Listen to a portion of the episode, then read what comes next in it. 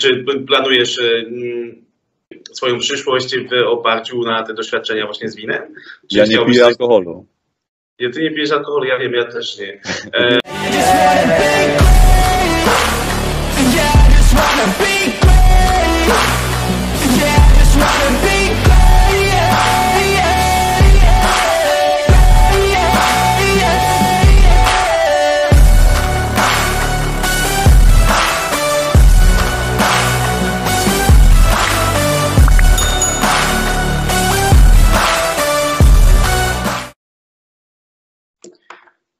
Dzień dobry, nazywam się Piotr Siekierski, a to jest podcast Volley Time. Moim dzisiejszym gościem jest trzykrotny zdobywca Ligi Mistrzów, 247-krotny reprezentant Polski, multimedalista Mistrzostw Polski, Włoch, Iranu, pan Łukasz Żygadło. Dzień dobry Łukasz. Witam wszystkich serdecznie. Jak ci życie płynie? A płynie na razie spokojnie, dlatego że jestem w Katarze. E, Dla tych kibiców, którzy nie wiedzą, jestem w Katarze. E, Tutejsza liga jest poszatkowana wieloma przerwami e, związanymi z różnymi rozgrywkami, czy plażowymi, czy, czy tutaj regionalnymi, kadrowymi też, więc Przeplatam grę w lidze bardzo skompresowaną z przerwą długą, bardzo długimi przerwami na, na, na powrót do, do, do jakiej, jakiejś formy, poprawy różnych zagrań, ale nie ukrywam też, że, że covidowy czas e, powoduje to, że, że wielu zawodników w ostatnim czasie przechodziła COVID i, i więcej było przerwy niż e, tak naprawdę trenowania. E, Łukasz, ostatnim razem, kiedy miałem e, przyjemność oglądać e, Cię na żywo, to był przełom roku 2004-2005 e, w barwach Polskiej Energii Sosnowiec. Przyznam szczerze, od tamtej pory niewiele się zmieniłeś. e, Dalej, wysoki, szczupły, w formie, zero włosów. Przyznaj szczerze, że... Wy... Przyznaj szczerze, że wyprzedziłeś e, średniowiecznych alchemików, znalazłeś kamień filozoficzny i e, odkryłeś eliksir młodości. Daj mi ten przepis i rozejdziemy się w zgodzie. Gdyby nie Szczecin, to może siwych włosów by nie było, a jednak e, ten powrót e, nie okazał się no, udany, więc e, trochę się tych siwych włosów pojawiło. E, ale dziękuję bardzo za, za komplement. E, no, staram się dbać o siebie, więc e, naprawdę dbać o siebie, więc, więc e, jakoś dopisuje mi, mi forma, dzięki, odpukać niemalowane, więc, więc kontynuuję na razie. Póki jest wszystko w porządku, to kontynuuję. Dziękuję. Jasne. Bardzo proszę. Mm, Rozpocząłeś trzecią dekadę swojej zawodowej gry w siatkówkę. I chciałem, chciałem Cię dopytać, czy mm, jak zmieniała się Twoja świadomość e, dbania o siebie przez te, przez te wszystkie lata? No bo wszyscy wiemy, że no, nie, nie patrząc oczywiście w metrykę, ale to dotyczy myślę każdego, każdego, każdego z nas, że jednak z, bieg, z biegiem czasu no, mm, musimy troszeczkę bardziej spojrzeć już na swoje ciało i słuchać go. Jak e, ty w tej chwili dbasz o to, żeby być w jak najwyższej formie? Znaczy, generalnie ta świadomość się zmieniała. E, Zawsze, była, zawsze miałam od początku taką, e, takie podejście, że e, no, to podejście profesjona- być, być profesjonalistą. Tylko, że bycie profesjonalistą nie zawsze rozumiemy, co to znaczy być profesjo- profesjonalistą. Nawet jakbyśmy chcieli robić pewne rzeczy profesjonalnie, po prostu nie wiemy. Nie wiemy, jak odpowiednio trenować, jak odpowiednio się odżywiać, czego unikać, jak odpoczywać. Więc e, e, no, no na początku to było wiadomo, o, ostra praca e, w wieku 14 lat. Jeżeli mogę tak wrócić w temacie, ostra praca w wieku, wieku 14 lat wyjechałem z, mej, z, moim, z mojego miasta małego, z Kulechowa, koło Zielonej Góry. Trafiłem od razu do kadry, do Ireneusza Mazura, który słynął z bardzo twardej ręki i no i tam, e, no, tam zaczęliśmy naprawdę ostro trenować, później e, SMS-y, więc e, zawsze była ciężka praca. No nie zawsze ta praca była robiona w taki sposób, że, że no wszystko było tak kontrolowane, jak to się kontroluje teraz, bo pr- przede wszystkim wcześniej nie mieliśmy wiedzy takie, więc gdzieś tam zawsze szukałem jakichś sposobów do tego, aby się dowiedzieć, jak trenują Włosi, jak podchodzą do tego Włosi. E, Próbowałem ściągać informacje od osób, które wyjeżdżały do Włoch, e, wracały. E, I, I gdzieś tam zawsze przebijało mi się w tych wypowiedziach, że, no, że to, co tam akurat robili, no to odbiegało od pewnych standardów tutejszych. Ale też miałem takie sytuacje, w których sam pod, musiałem podjąć trudne decyzje, jak na przykład miałem 21 lat i jakieś tam problemy z y, kręgosłupem się pojawiły z nieodpowiedniej techniki może albo w ogóle trenowania. I no, z ówczesnym lekarzem kadry pojechałem do Łodzi i do, do profesora z dyplomami no, obklejonymi w swoim, w swoim gabinecie. No jak, no nie chciałbym opowiadać w szczegółach tego, może kiedyś to opiszę, ale jak usłyszałem, co mi proponuje, to przeżegnałem się i podziękowałem mimo tego, że, że no tyle dyplomów było na ścianach. Więc sam szukałem e, odpowiedzi. Miałem to szczęście, że jak e, szukałem, to e, wpadałem na ludzi, którzy mieli wiedzę i potrafili w jakiś odpowiedni sposób mnie pokierować. A kończąc tą wypowiedź, chyba największe doświadczenie zebrałem w wieku 28 lat, jak wyjechałem do, do Trento. Tam trafiłem naprawdę na fantastycznych ludzi. E, od e, przygotowania fizycznego, od, e, od rehabilitacji. I, I, jeszcze jedna rzecz, moja kontuzja kazańska, która wyeliminowała mnie na cały sezon. To była historia moja, która, która pokazała mi, jak wiele trzeba, żeby wrócić do formy ile trzeba pracy włożyć i jakiej pracy trzeba włożyć, żeby wrócić naprawdę do, do formy, czego unikać, co robić, jak się poświęcić, z jakimi ludźmi współpracować, więc, więc ten bagaż doświadczeń w tym y, długim okresie, myślę, mojej kariery no, zebrałem i, i y, ten bagaż doświadczeń pozwala mi teraz prowadzić siebie w takim odpowiednim, moim zdaniem, kierunku. Chociaż ciągle się, ciągle, ciągle E, spotykam ludzi, którzy gdzieś tam e, mają nowe idee, jakieś nieraz je wykorzystuję, sprawdzam i testuję na sobie.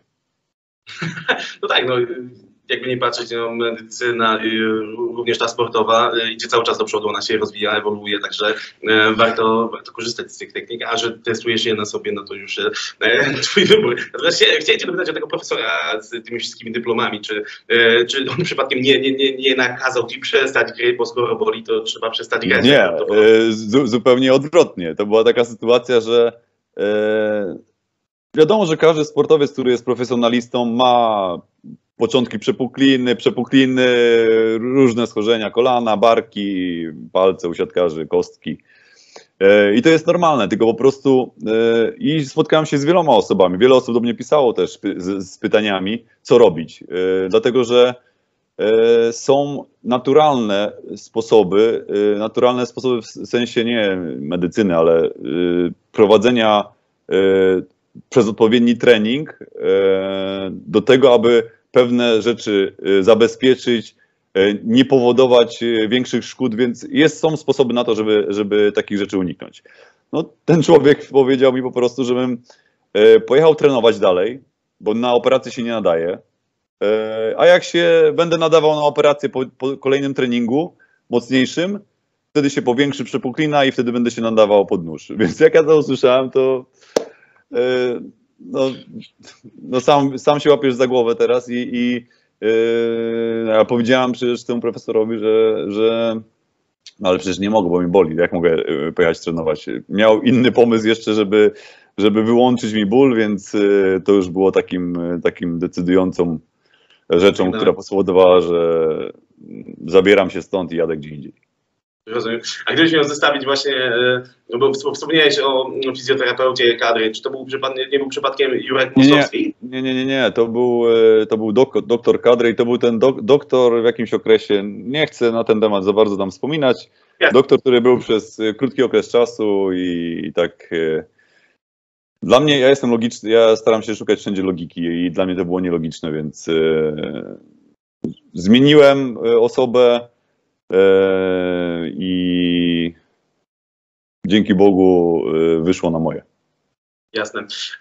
Łukasz, powiedz mi, czy właśnie w tej chwili to również jest e, jakaś specjalna dieta? Konsultujesz się z dietetykiem, czy raczej mając te lata doświadczeń, gry za sobą e, i świadomość tego, czego potrzebuje Twój organizm, czy już sam jesteś w stanie ułożyć sobie dzień, jeżeli chodzi o trening, regenerację, właśnie dietę, czy potrzebujesz jeszcze w tym wsparcia poza szukaniem jakichś e, dodatkowych, e, tych nowych technik, e, o których wspomnieliśmy przed chwilą? Ja, ja nie, nie używałem nigdy, nie chciałem używać słowa diety i nie, nigdy nie liczyłem kalorii. W siatkówce wydaje mi się, że to nie jest konieczne. W innych dys- dyscyplinach może tak i widziałem w pływaniu na przykład Otylię. Kiedyś na stołówce, gdzie, gdzie po prostu z wagą chyba mierzyła jakieś rzeczy, które, które, które jadła w tym okresie, w którym zdobywała medale olimpijskie.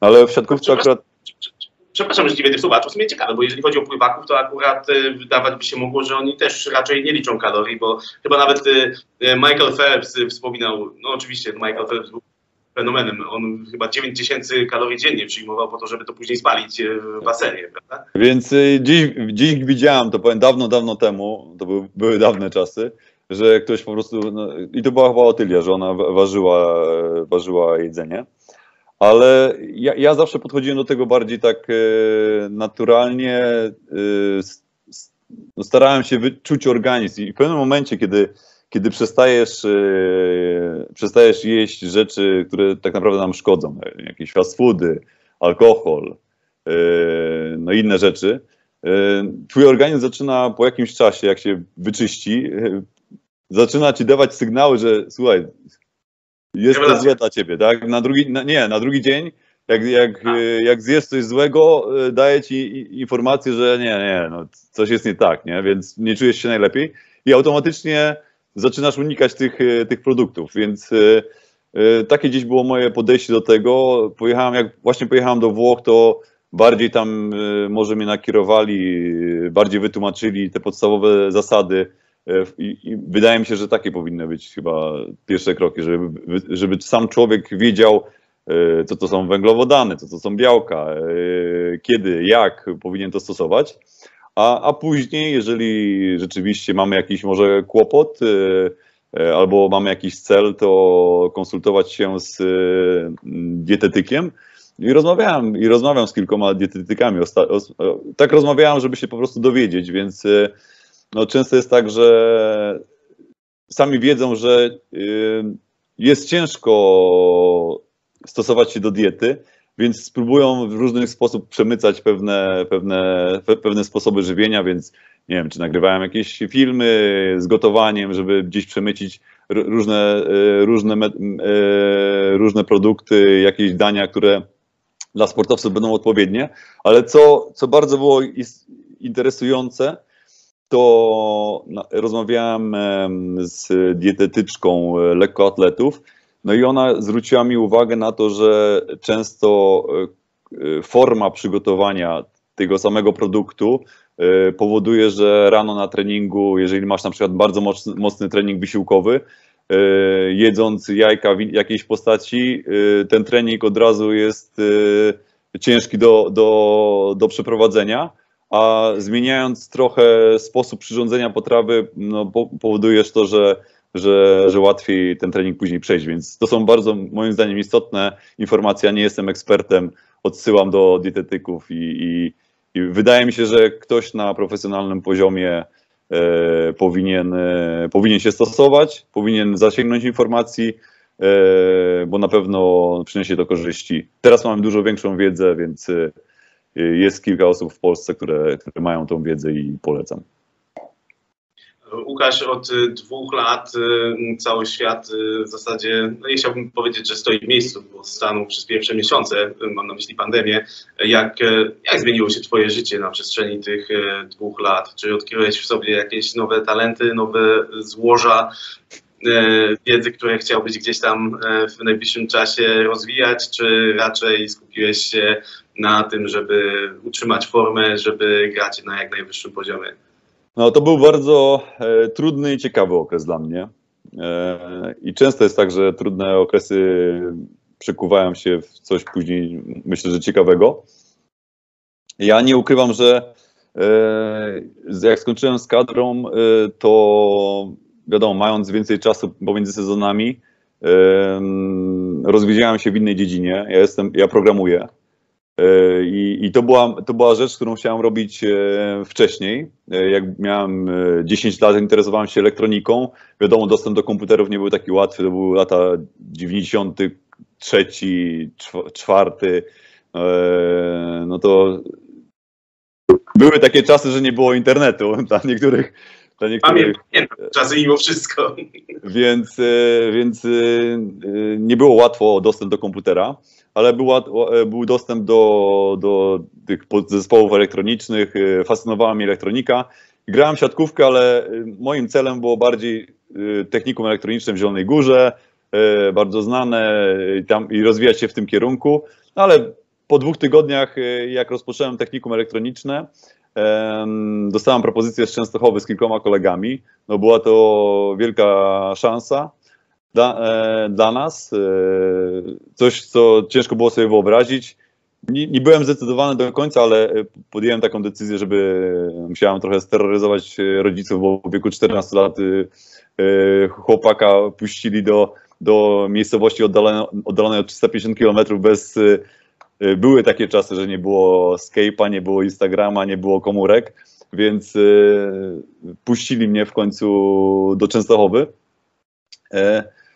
E, No i e, teraz tak trochę tak patrzę na to wszystko, że te moje zainteresowania do technologii, takie bardziej inżynieryjne sprawy, dziś teraz mam możliwość powrotu do tego, więc, e, więc powróciłem do tego wcześniej, a ten okres pandemii był, był może takim momentem, gdzie było więcej czasu i pewne, pewne rzeczy, które gdzieś mam w głowie, e, zmotywowały mnie jeszcze bardziej do tego, że, e, żeby przysiąść nad tym, przycisnąć i, i rozwijać się w tej, w tej, w tej kwestii.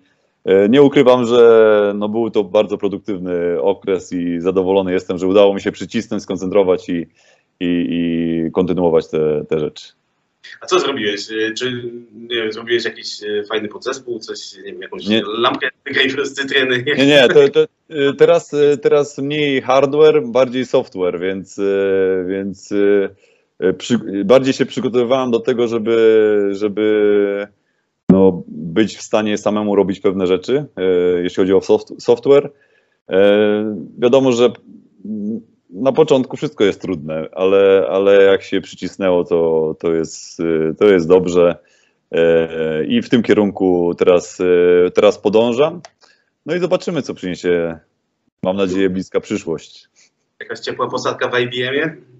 E, ja jestem człowiekiem, która, który nie czeka na, raczej na posadki, e, a raczej woli robić coś e, swojego, więc to jest bardziej trudne. sz- Szczególnie widzę to w sytuacji, jak mm, sportowcy często nie doceniają swojego, swojego życia. Jak jest wszystko dobrze, to, to jest dobrze. Jak e, zbliżamy się do końca kariery, za- zaczynamy się, zaczynają się zderzać z rzeczywistością, że co robić po. I to jest naprawdę bardzo ciężki okres, y, dlatego że po prostu jesteśmy przy- przyzwyczajeni do tego, że jesteśmy w jakiejś grupie, szczególnie mówię o sportowcach y, w sportach drużynowych. Mamy menadżerów, mamy osoby, które przygotowują nam plan, mamy wszystko jasno określone, idziemy do, na treningi, gramy, narzekamy, że jest ciężko, ale wydaje mi się, że, że niesłusznie narzekamy, bo, bo naprawdę jest to fantastyczna, fantastyczna przygoda. E, Schody zaczynają się później, kiedy, kiedy ten okres, gdzie często naprawdę nie, nie mamy czasu na, na inne rzeczy. Ja, ja pamiętam, jak byłem we Włoszech, w Trento, to mo, moje dni składały się z tego, że po prostu wstawałem rano, jadłem szedłem na trening, odpoczywałem, analizowałem coś, y, szedłem na drugi trening i, i gdzieś tam w jakimś może jednym dniu miałem czas y, dla, dla siebie dla rodziny. Y, Nie jest łatwo, ale no trzeba w tym, w tym wszystkim znaleźć też inne rzeczy, które nas interesują sportowców i, i, i to rozwijać, bo kariera przemija bardzo szybko i trzeba być po prostu gotowym na, na zmiany. Często y, mm, teraz myślę y, w kontekście agentów y, sportowych, menadżerów, często przy, podejmują się roli wprowadzania zawodników po zakończeniu kariery w życie. No, brzmi to banalnie, natomiast tak jak wspomniałeś, jest to dosyć mm, ciężki okres dla sportowca, który gdzieś tam jest przyzwyczajony cały czas do bycia w grupie, do mm, rywalizowania o pewne określone cele i w pewnym momencie przychodzi taki dzień codzienny, gdzie wstaje i tak naprawdę nie muszę iść na ten trening i co, nie, mam, nie mam co ze sobą zrobić. E, No, przy, przykłady polskich sportowców, którzy gdzieś tam e, no, nie, nie podłali w, ty, w, w tych kwestiach jest naprawdę mnóstwo i e, myślę, że w dobrej wierze zarówno menadżerów, jak i zawodników jest dbanie o, o przyszłość czy inwestycje jeszcze w trakcie, w trakcie kariery. Jest to, jest to ciężki okres. No, ty oczywiście jeszcze jesteś no, przed, przed, przed tym etapem, natomiast tak jak wspomniałeś... e, To ile miałem grać? 50? Do Słuchaj, 50.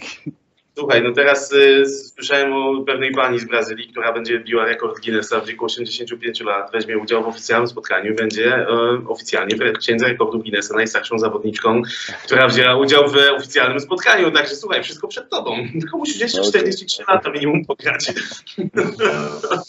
Nie, ale tak jak wspomniałeś, że no jednak ma, ma, masz pewną pasję, jest to elektronika i gdzieś tam z nią wiążesz przyszłość, także to już jest jednak sygnał, zalążek tego, że coś, coś najprawdopodobniej z tego wyjdzie. Natomiast wielu ludzi jednak, e, tak jak wspomniałeś, nie ma tej świadomości i myślę, że tutaj jest właśnie duża rola też menadżerów, żeby oni jednak pomagali zawodnikom wchodzić w jakkolwiek tym, mm, łagodnie w ten taki etap e, roztrenowania, a później po karierze zadbać też o zawodnika.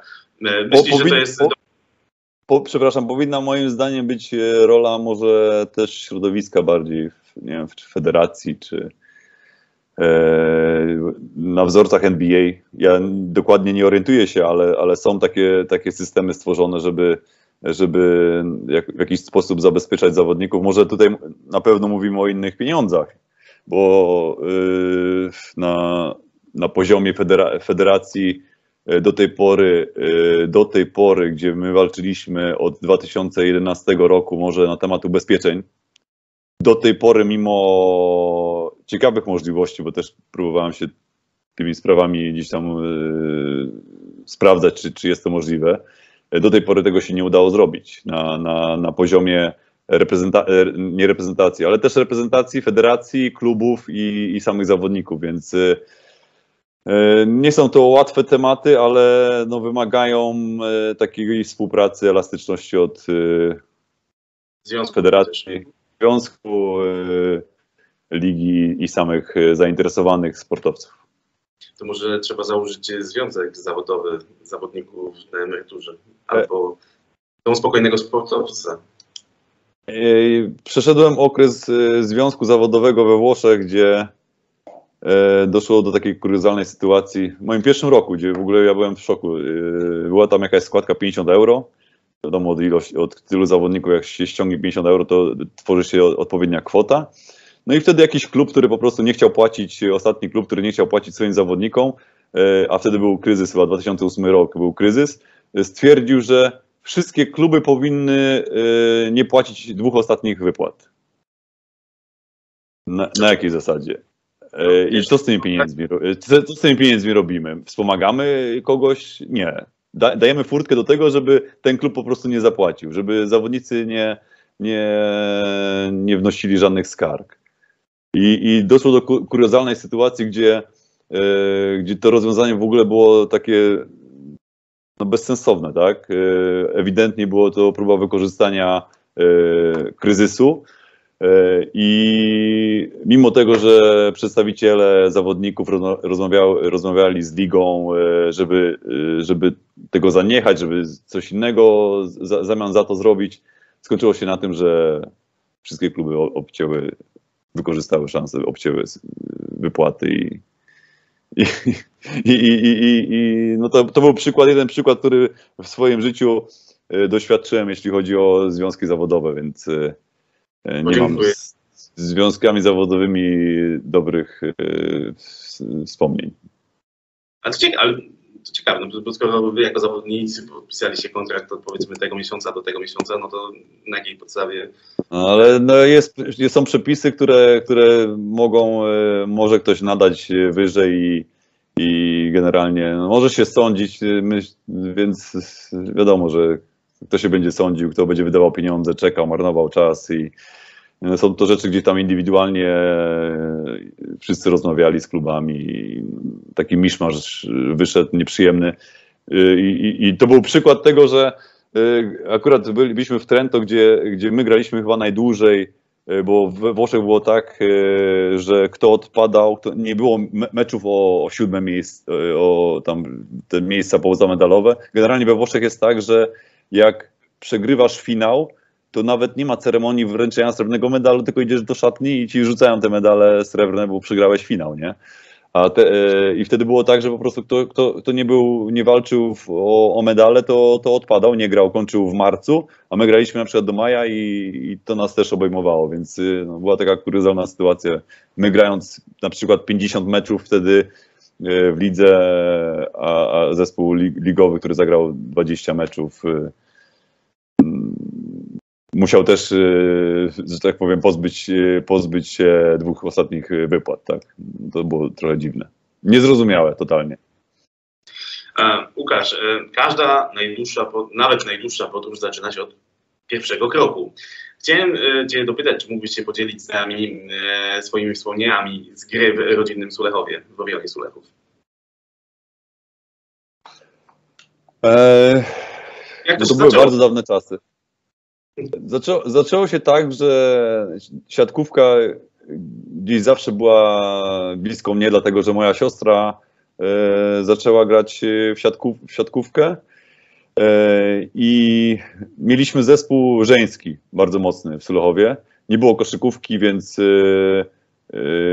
idąc do czwartej klasy no gdzieś ta siatkówka była też w szkole, bo kiedyś w szkołach e, się zaczynało grać e, jakąś dyscyplinę sportu.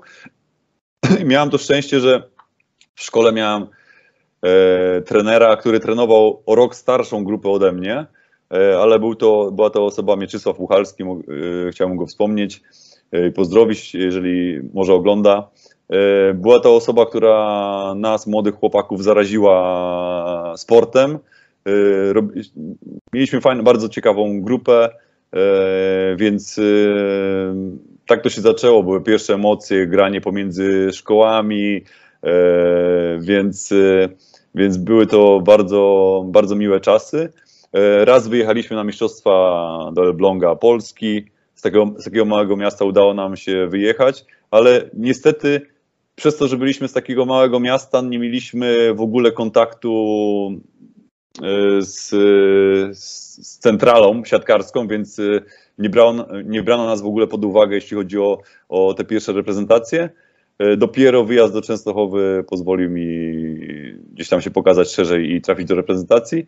Był to bardzo miły czas i, i w wieku 14 lat no była ta decyzja, gdzie, gdzie Częstochowa zaproponowała przejście, więc nie było łatwo z jednej strony, ale, ale było warto. Ale było warto. Mam e, pytanie od e, Przem- Przemka Jedona, czy wpadniesz po sezonie do Nowej Soli na kawę? Eee, może w drodze do domu, eee, bo Nowa Sól leży po, po drodze eee, z Częstochowy, w której, której często też jestem, jak jestem w Polsce. Więc eee, kto wie, kto wie, może. E, Łukasz, ja musiałem to sprawdzić dwukrotnie, ale okazuje się, że ostatnie trofeum na polskiej ziemi zdobyłeś z KP Polską Energią Sosnowiec i to był 2004 rok, Puchar Polski e, zdobyty w Bełchatowie. No, z- ja, ja pamiętam ten czas, no, bo jak nie patrzeć, jest Sosnowiec, inaczej, urodziłem się w Przeladzie, ale przez większość swojego e, nastoletniego życia mieszkałem w Sosnowcu, także oczywiście doskonale znam te, e, zawodników, którzy wtedy grali. Mieliście tam całkiem fajną paczkę, trzy środki z reprezentacji, Dacek, Plina i Marcin Nowak, Peter Liwisz na prawym skrzydle, Sławek Kudłaczewski na lewym, Jarosław Wojczuk na świętej pamięci na skrzydle. Doszedł do Was w trakcie sezonu. Żeby e, powiedzieć, kim był Jarosław Wojczuk, to wyobraźmy sobie Michała Winiarskiego. Wiemy doskonale, jakim zawodnikiem był Winiar. Jarosław Wojczuk robił asy na Michale Winiarskim z zagrywką stacjonarną w Częstochowie na Uranie. Także, także Spójrzmy, spójrzmy na to. Mieliście tam naprawdę fajną pakę, szansę na medal, skończyło się na Pucharze Polski. Jak ty wspominasz czasy w zasadzie półtora roku, bo e, w połowie sezonu e, drugiego pojawiły się dosyć mocne problemy finansowe, wyszłeś na podbój Grecji do Panathinaikosu. Jak ty wspominasz półtora roku w Sosnowcu? To był, to był bardzo ciekawy okres, tak jak mówisz, był, był to bardzo e, mocny zespół, ciekawy zespół. Em, udało nam się wygrać e, Puchar Polski, gdzie Puchar Polski był rozgrywany w, e, w i tam graliśmy w pierwszym meczu z Olsztynem, gdzie tam praktycznie też była cała reprezentacja.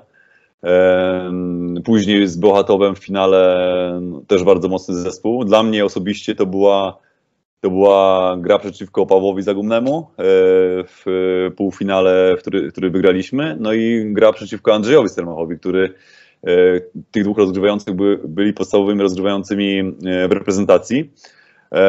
I tam też zostałem wyróżniony tą nagrodą najlepszego rozgrywającego. Tylko się przypomnę, że bardzo później były moim zdaniem troszeczkę niezrozumiałe decyzje, jeśli chodzi o, o, o reprezentację, e, bo był to rok, rok olimpijski, więc e, e, no trochę, no troszkę byłem, można Rozżalony. powiedzieć, rozżalony, ale Ale to- wróci. No, też no, no, jest tak, temat. no, tak, tak było. Później graliśmy w półfinał z Częstochową. I Nie była- półfinał, nie. Do, o wejście do e, pierwszy playoff. Tak. No i, no i tak, e, wejście e, do, do półfinału, czyli graliśmy dwa mecze na wyjeździe u siebie i, trwa, i piąty mecz na wyjeździe. Czyli e, w pierwszym meczu pamiętam taką, bo prowadziliśmy 2-1 i Sławek Kudłaczewski na pojedynczym bloku zaatakował ewidentnie po bloku, block out. 16 chyba 11 było dla nas. I no, zrobiła się mała zadyma, bo sędzia pokazał dla, dla Częstochowy i, i, i, to był moment taki, w takim, w którym e, wszystko się odwróciło. Przegraliśmy 3-2 i kolejny mecz przegraliśmy. Wygraliśmy u siebie dwa mecze. Przyjechaliśmy do Częstochowy i, i nie wiem, czy pamiętasz, e, co tam się działo w Częstochowie na hali Polonia. Jak, jak kibice podchodzili do, do Petera Diwisza i ta historia z Peterem, który, który później... który nie uciekał przez okno, bo na uranie nie ma, nie ma okien w szatni. Nie, nie, on tu, on tu, on, wy, on wychodził drugim, drugimi drzwiami. z szat- Przepraszam, to była Polonia, nie Urania. Ja, Tak, tak, tak. To, to była hala Polonia, gdzie, Polonia. gdzie Peter, Peter e, szybko drugimi drzwiami z szatni wyjechał i już nie przyjechał. E, więc tak się, tak się trochę w tym Sosnowcu zawirowało. Później e, problemy finansowe. Mając ogromnego sponsora, pojawiły się problemy finansowe. E, tej kwestii nie będę tutaj poruszał. Szkoda. Dlaczego? Nie, bo y, kto był prezesem y, wtedy, wtedy klubu i, i, i doprowadził do takiej sytuacji, jaka, jaka się, się wydarzyła e, ze sponsorem. No i stała się sytuacja taka, że no wszyscy zawodnicy z Peterem Dywiszem y, mieli kontrakty chyba roczne. Oni przez to, że chyba Dacek miał problem w, po Pucharze Polski, e, miał problem, miał problem chyba z kolanem już i wtedy Plina zaczął grać w, tym, w, tym, w tej walce z Częstochową o półfinał. I tak się stało, że na drugi sezon ja zostałem jedynym zawodnikiem z kontraktem, e, z kontraktem. No i z tego względu, że no, były jakieś problemy finansowe, e, udało się tam jakoś ten zespół skleić, ale to nie był zespół na miarę tego, co było wcześniej. I miałem propozycję z e, Joe, Joe Del Cole. To, była, to był zespół, który, który awansował do Serie A Uno we Włoszech. No i robiłem. E, Tak, później. I, I robiłem wszystko, żeby tam wyjechać.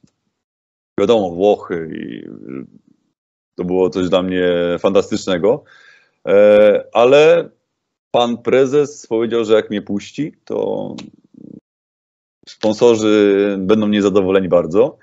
I mimo tego, że próbowaliśmy robić wszystko, to powiedział, że pójdzie mi na rękę. E, W taki sposób poszedł mi na rękę, że e, musiałbym być niewolnikiem przez 5 lat i płacić haracz e, do klubu, na co po prostu nie mogłem się zgodzić. Nawet jakby klub spadł do drugiej ligi, to jakbym wracał do Polski, to musiał wrócić do, do drugiej ligi. Na co się nie zgodziłem. Po tym dostałem pismo, żebym umorzył premię za Puchar Polski, bo klub jest w tru- trudnej sytuacji finansowej, więc takie to ciekawe rzeczy się działy. I e, w połowie roku okazało się, że nie ma pieniędzy, więc e, wyjechałem. Z, klub z Pan- Panathinaikos musiał zapłacić za mnie oczywiście. Z tych pieniędzy też było zapłacone zawodnikom w jakiejś części, więc, więc takie, to było, takie to były przygody sos, sosnowieckie. Mm, smutne. Tym bardziej, że no, ja no, mówię, no, w jakimś tam stopniu emocjonalnie jestem trochę związany z Sosnowcem, także no, mnie tam e, no, nie znałem takich szczegółów, także no, tym bardziej jest mi, e, jestem w szoku słuchając tego.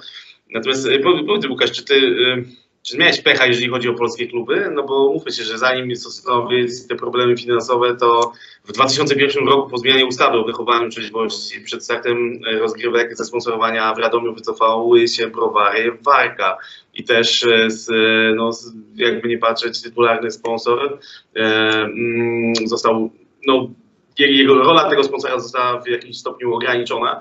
To nie była już Warka Strong Czarny Radom, tylko e, mm, Nordea. Nordea. Nordea. Nordea, która była tylko po to, żeby wypromować jakiegoś gościa, który się starał do. Sorry, że jestem taki brutalny, ale mieliśmy otwarcie. Miało być otwarcie, a wtedy było 11 września, więc y, była żałoba, więc nie, nie mogli zrobić z pełną, no, z pełnym wypasem y, tego otwarcia, ale byłoby to otwarcie chyba mojego y, życiowe otwarcie sezonu. E, bo przygotowane były naprawdę niesamowite show, ale było to przygotowane po to, żeby wypromować jednego gościa. E, Później ten sponsor się zwinął, były problemy finansowe. No i, no i tak się też tam z, w Radomiu nie, nie najlepiej skończyło, bo, bo trener odszedł, Drzyzga, e, Pry, Pryku odszedł chyba, Robert Prygiel e, do Tak, Bełchatowa w trakcie sezonu. Ja dostałem Jako- kontuzję palca, dostałem kontuzję palca i tak na tyle poważnie, że, że też zrezygnowałem z, i po prostu nie, nie było sensu już tam dłużej siedzieć. Kończyłeś sezon na wypożyczeniu w Galaxii e, Częstochowa. E, mm, no właśnie, zmi- zmierzam do tego, że no, czy, czy, czy, czy, miałeś pecha, jeżeli chodzi o polskie kluby, no bo no, Radom, e, Sosnowiec, później dalej Szczęsna Stocznia e, i Trójkąt Bermudzki Siatkarski, jeżeli chodzi o Polskę. Może stąd ta twoja długowieczność, to jest jakaś rekompensata. Nie, znaczy wiesz, nie chcę, nie chcę tego w- rozpatrywać w kategorii pecha, bo, bo e, różne były kluby, była Częstochowa, to były inne czasy w ogóle. To, to, co, to co jest teraz, to, jest, y, to, to były inne czasy. E, Ale Stocznia to jest sytuacja sprzed czterech lat, prawda? Trzech, No tak, no tutaj sprawa dalej się, dalej się toczy, czekamy na, na kolejne, kolejne rozprawy. No, Wiadomo co dalej? Czy to jest kwestia stronie sądu, jak to będzie wyglądało? Jest, e, jest, e, jest sprawa dalej, są dwie sprawy, więc e, wiadomo, że sprawy sądowe trwają bardzo długo w Polsce, ale wszystko, wszystko idzie do przodu. Ostatnio zawod, kilku zawodników, e, osób e, związanych z klubem zeznawało pisemnie w sprawie, bo niestety przy, przy pierwszej sprawie i drugiej sprawie nie, nie było przesłuchania świadków, tych, którzy, tak jak na przykład zawodników, więc dopiero sąd e, apelacyjny e, zażądał e, przesłuchania tych świadków, więc e, pisemnie od, e, odpowiadaliśmy na chyba 20 ileś pytań, więc, e, e, więc sprawa jest w toku, więc e, ja mam nadzieję, że prawda i prawda wyjdzie e, na jaw i, i będzie przedstawione to co, to, co naprawdę się wydarzyło, bo e, był, był, był robiony, była robiona bardzo ciekawa rzecz e, profesjonalnie. E, ja, ja ze swojego punktu widzenia widziałem to, co robiliśmy tam e, e, z bardzo, dużym, z bardzo dużą korzyścią dla, dla środowiska siatkarskiego w Polsce, dla zawodników, dla, dla, dla, dla siatkówki w Polsce, szczególnie może dla tego też e, regionu zachodniego, gdzie, gdzie tam, e, z którego sam pochodzę, a, a- a tam ta siatkówka nie jest za bardzo obecna, więc y, szkoda, że tak się stało, ale no takie jest życie. No. Y, Gdzieś mi zabrało, z drugiej strony mi dało, więc y, tak to jest. No to jest już właśnie któraś, któraś historia, jeżeli chodzi o Plus Ligę. No oczywiście tam powiedzmy już, jeżeli chodzi o y, y, a Radom i sy- sytuację z Sosnowcem, no to już powiedzmy jest tam, no przeszło no, ponad dekadę za nami, natomiast no tutaj Stocznia to jest coś świeżego. E, odejście Ferdinando de Giorgiego z Jastrzębia, czy też podpisywanie kontraktów przez zawodników, e, po czym rezygnowanie z nich, od, odejście, sytuacja z Tine Urnautem przed tym sezonem, który był podpisany w Jastrzębiu, poszedł do Zenita Sankt Petersburg. Ty- Czy twoim zdaniem to rzutuje wszystko na mm, obraz Plus Ligi? Czy, czy jednak Plus Liga nie jest jednak takim, takim kolosem na glinianych nogach, gdzie, którego bardzo łatwo powalić? E, Wydaje mi się, że dużo pracy zostało wykonanych, jeśli chodzi o Plus Ligę. Wiele osób e, e, marzy o tym, żeby grać w Plus Lidze, ale na koniec dnia zawsze jest tak, że Włosi albo Rosjanie wygrywają. Może akurat tutaj Ti- Tine Urnaut dostał propozycję z najbogatszego klubu w, w Rosji, więc e, chociaż e, w słabym klubie w, Polsce nie podpisał kontraktu e, i małych pieniędzy na pewno też nie dostał. Ale e, wydaje mi się, że e, my powinniśmy bardziej siebie szanować i bardziej e, być twardymi w, w negocjacjach, w kontraktach z zawodnikami, e, nawet jeśli chodzi o gwiazdy, bo na koniec dnia e, ja na przykład gdzieś tam dochodzą jakieś informacje, że nie do końca jesteśmy, e, nie do- końca kluby się zabezpieczają w taki sposób, żeby później e, tak łatwo mogły sobie odchodzić, więc e, Włosi na, na pewno robią to, to, to w inny sposób, e, e, a u nas dalej są takie przypadki, więc e, no to wynika z tego, że no gdzieś tam e, ktoś czegoś nie dopilnował na pewno, więc e, więc powinniśmy się bardziej szanować, a, a, a moim zdaniem na, na jedną z takich większych bolączek może naszych jest to, że mimo tego, że jesteśmy podwójnym mistrzem, mistrzem świata, e,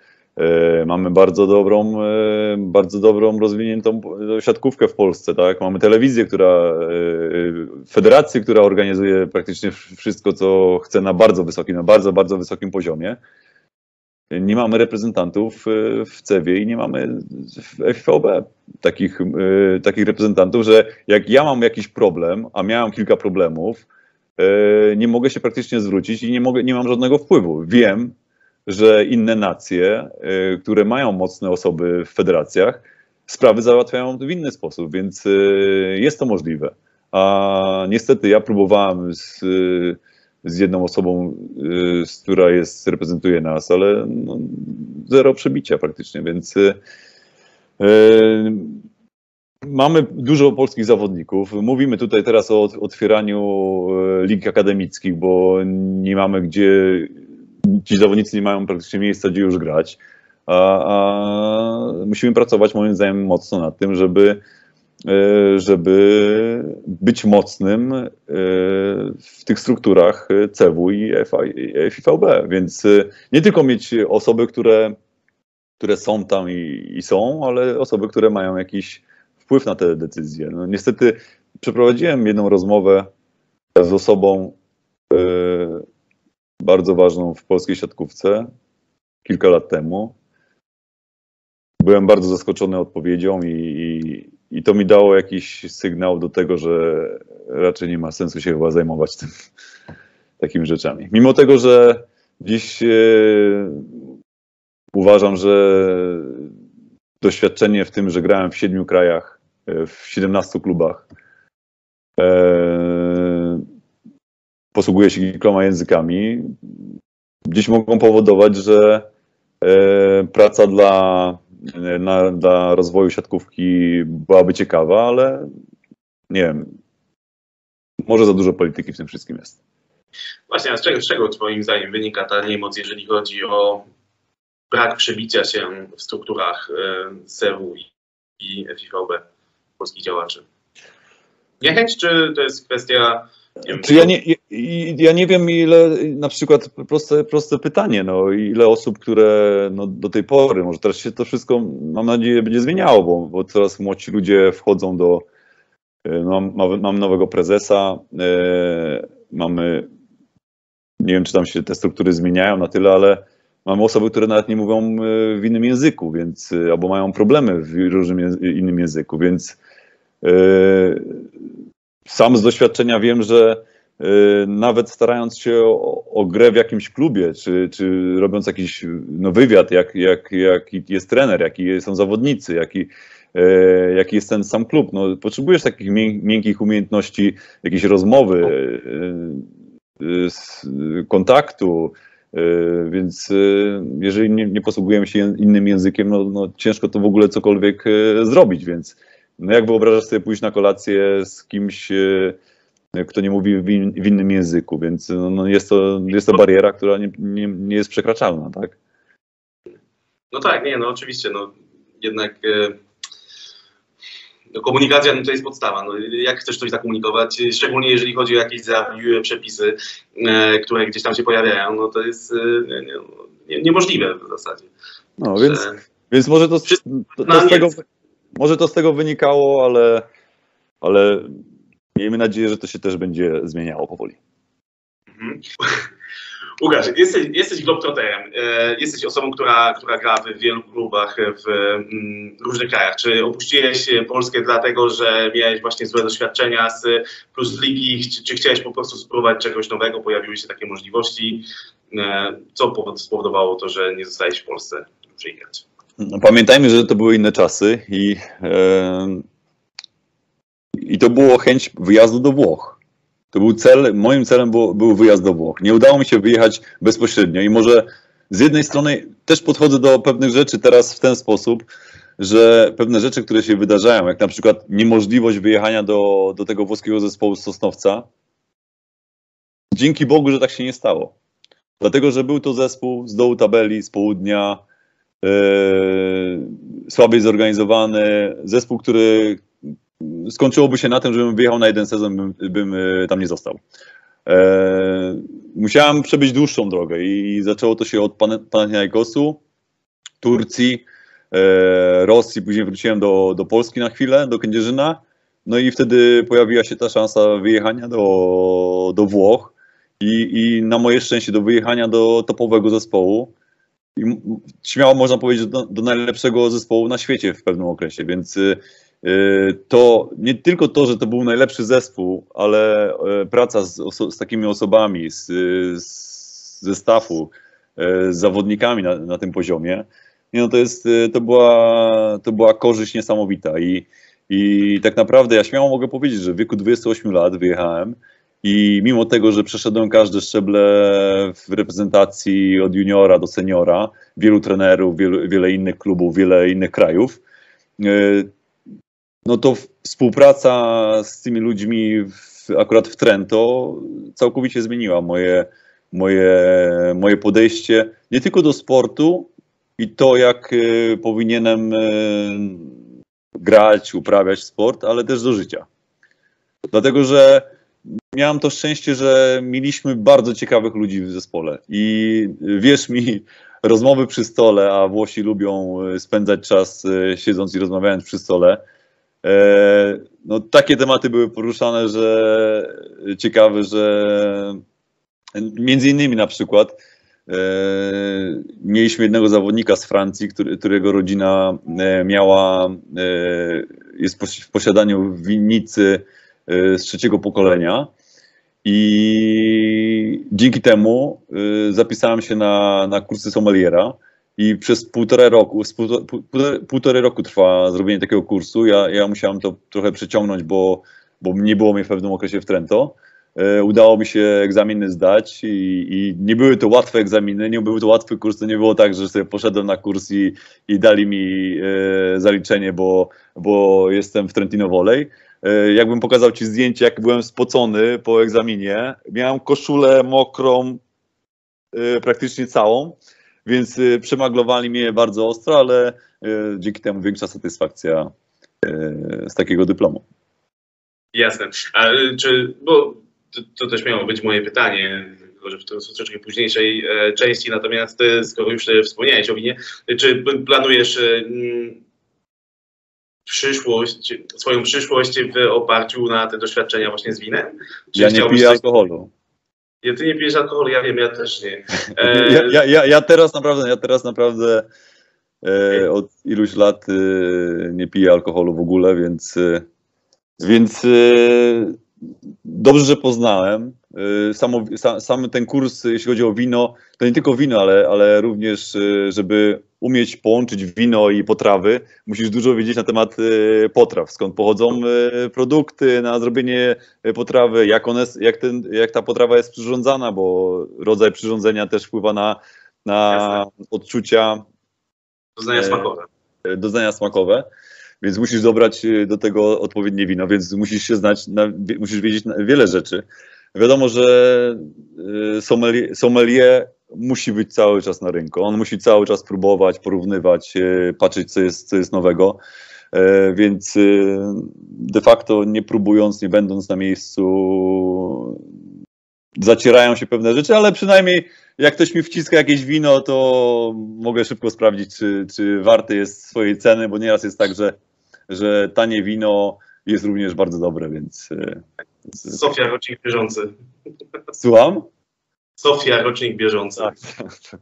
Ale bynajmniej na, przy, na przykład, czy, czy prawdziwego szam, szampana od e, Prosecco łatwo jest odróżnić, więc, e, więc patrząc, patrząc tylko na, na, na, na bąbelki w, w kieliszku. Co ty gadasz? Uuu, proszę bardzo, jak Inna, ciekawa te, inna technologia. Nie? No ale słuchaj, no, te, teraz nie pijesz, ale może jak już y, tam w wieku 87 lat skończysz karierę, y, bijąc rekord Guinnessa, y, tej pani, która jutro będzie go biła, no to, to może jeszcze znajdziesz chwilę czasu. Zagram ostatni mecz i wypiję dobrą lampkę szampana. Okej, tego się trzymajmy. Łukasz, powiedz mi, mm, jeszcze a propos Trentino, bo w sumie poruszyliśmy wątek Trentino. To była, tak, tak jak wspomniałeś, w, pewnym momencie była to najlepsza drużyna na świecie. Powiedz mi, kto był większym kotem? Juan Torrena czy Matej Kaziński? O, to były, to są dwa różne, różne typy. Tak? Ma- Matej jest, y, Matej jest zawodnikiem, który no, siłowo przewyższał, e, przewyższał moim zdaniem e, Osmaniego. E, to, to jest zawodnik, który on, on najbardziej e, pokazuje swoje walory w najważniejszych momentach. Czyli często było tak, może później już, e, jak on e, ja, jak on grał jakieś mecze, które gdzieś tam nie były bardzo ważne, to no, widać było, że ta motywacja to nie jest, nie jest na takim poziomie, jaka powinna być, ale jak przychodziło do finałów, do jakichś momentów, ja pamiętam w moim pierwszym roku graliśmy playoffy z pierwszego miejsca z e, ósmym zespołem u siebie w Trento, gdzie nie przegraliśmy ani jednego meczu w sta- w stanie 14-9 chyba było dla przeciwnika w tiebreaku. Matej poszedł na zagrywkę. As. Przeciwny, przeciwny zespół, okej, okej, spokojnie, jedna zagrywka, nie? Druga, bomba. Trzecia bomba. Gdzieś tam blok, wyblok, kontra, punkt, nie? Zszedł z zagrywki 16 16-14. I to nie był, to nie był jeden przypadek, to kilka razy takich, takich sytuacji było. Osmani, niesamowita sprawność, technika. E, Tutaj mogę powiedzieć, że e, z Osmaniem też była taka sytuacja, że on był niskim zawodnikiem e, i bardzo szczupłym zawodnikiem. On nie był silnym zawodnikiem. I, I on mi kiedyś opowiadał, bo razem w pokoju mieszkaliśmy w Trento, że on w pewnym momencie, on był rozgrywającym. Więc e, jako, rozgry, jako rozgrywający musiał mieć dobrą technikę odbicia palcami. Grał w baseball, czyli rzut piłki jest naturalnym ułożeniem e, ręki do, do ataku. E, On w pewnym momencie do niego, on mówił, że przyszedł do niego trener reprezentacji, powiedział, że ty nie będziesz rozgrywającym, ty będziesz przyjmującym teraz, nie? Masz tutaj trenera od przygotowania fizycznego, e, będziecie razem trenować, żeby popracować nad siłą. I on był niski, musiał, miał być przyjmującym, więc, więc musiał mieć lepszą technikę od innych, żeby e, utrzymać się na poziomie, więc y, trenował ciężko z drużyną, później zostawał, y, kilku zawodników zostawali po, po treningach jeszcze y, grać różne gierki, żeby nad tą te, techniką pracować. I w pewnym momencie urósł i okazało się, że ma 2 metry, czy tam ponad 2 metry. Technika mu została. Bardzo dobrze fizycznie pracował, bynajmniej w Trento, jak go wzięli w obroty, bo ja byłem w tym okresie, kiedy przyszedłem do Trento i Osmani przyszedł jako zawodnik, który nie grał w, w tym roku, ale przygotowywał się do, do, do następnego roku. Więc yy, on fizycznie, trener musiał znaleźć odpowiedni sposób, żeby go zmotywować do tego, żeby, żeby, żeby, żeby mocno trenował. Znalazł ten trener sposób. Yy, Było widać, jak Osmani się rozrasta fizycznie, więc yy, te, te kubańskie, kubańskie geny i te wszystkie wa- walory yy, motoryczne yy, z techniką, później z siłą spowodowały, że Osmani był na równi z Matejem, moim zdaniem, no topowym zawodnikiem światowym, więc... ale oczywiście muszę wspomnieć o Winiarze, który, który w Trento przecierał szlaki. To, to on był tym zawodnikiem, który zdobył pierwsze mistrzostwo dla Trento. Tak, a, a, no, a to, tobie przetarł y, szlak chyba Kuba Bednaruk, prawda? Bo przecież Kuba grał. Tak. jakby, jakby nie patrzeć. Pozdrawiamy Kubę Bernaruka. Tak, pozdrawiamy go serdecznie.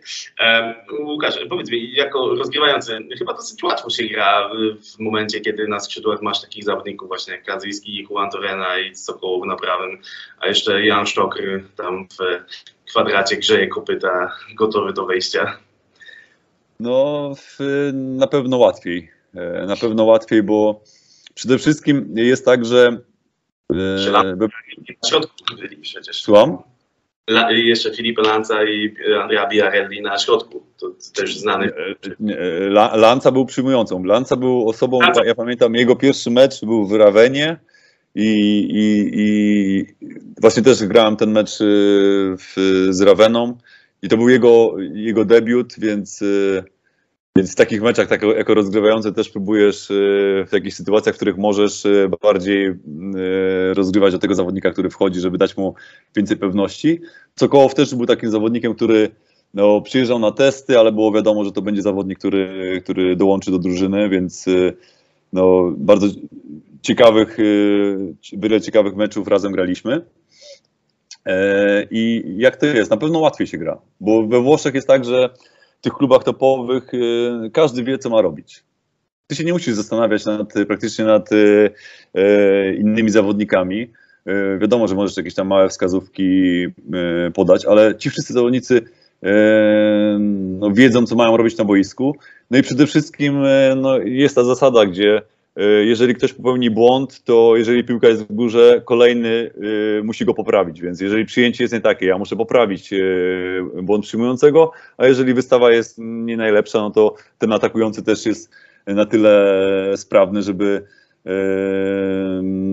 ten, e, tą wystawę poprawić.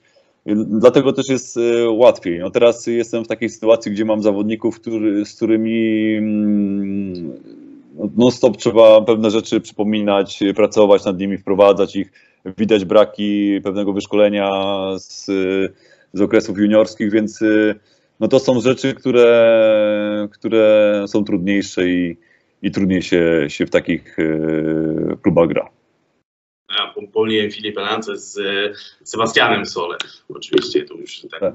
popra- poprawia się już post factum. Tak. Natomiast e, e, chciałem cię, cię dopytać, bo e, mm, dla wielu naszych słuchaczy prawdopodobnie e, ligi, w których grałeś bądź grasz, czyli katarska i irańska, są dosyć egzotycznymi ligami. Czy mógłbyś e, mm, powiedzieć co nieco i zdradzić troszeczkę szczegółów, jak wygląda struktura ligi, czy kluby są profesjonalne, półprofesjonalne, jak wyglądają treningi, czy e, i, i jeszcze chciałbym dopytać Cię o kibiców, jeżeli chodzi o obecnie te ligi. Czyli tak, zacznę od Iranu. E, Iran w tym okresie, w którym ja byłem, to był, e, e, to był taki okres, gdzie wszyscy zawodnicy kadrowi grali w Iranie. Więc e, no, były, były kumulacje w niektórych klubach e, tych zawodników w jednym, je- jedna taka kumulacja to była właśnie w Sarmajek Bank. E, więc e, był to bardzo ciekawy zespół. Był to bardzo ciekawy zespół, bardzo mocny zespół. Mieliśmy oczywiście dwóch, trzech rywali na podobnym poziomie. Więc y, półfinały, finały były, były bardzo mocne. Szczególnie jak na przykład grało się w takich, y, w takich miejscach jak Urmie, gdzie hala, y, tam gdzie reprezentacja grała y, swoje, swoje mecze, gdzie przychodziło 6 tysięcy facetów na, na, na mecz. Hala była pełna, na- każdy sektor miał swojego lidera który, który był e, bardzo mocno e, no, pompowany przez, tych przez tych Tak, liderów. Więc e, atmosfera no, była lasery w oczy, rzucania rzeczami, no wszy- wszystko się działo e, na tych meczach. Były też mecze, gdzie, gdzie na przykład w takim regionie, skąd, pochodził ten leworęczny GMI przyjmujący, e, to jest e, region na północnym wschodzie Iranu, gdzie siatkówka jest tak popularna, że tam nawet są turnieje rozgrywane na, na weselach. E, więc, e, więc tam, tam też tłum ludzi na, na Haliam, na Instagramie, jak ktoś chce sobie sprawdzić tą historię wcześniejszą, e, to mam tam kilka zdjęć, gdzie, gdzie ludzie stoją na, na, na siedzeniach jeszcze stoją i uderzają w, w takie metalową część hali, żeby, żeby był większy, większy hałas. Więc no było gorąco na halach, bardzo było gorąco na halach.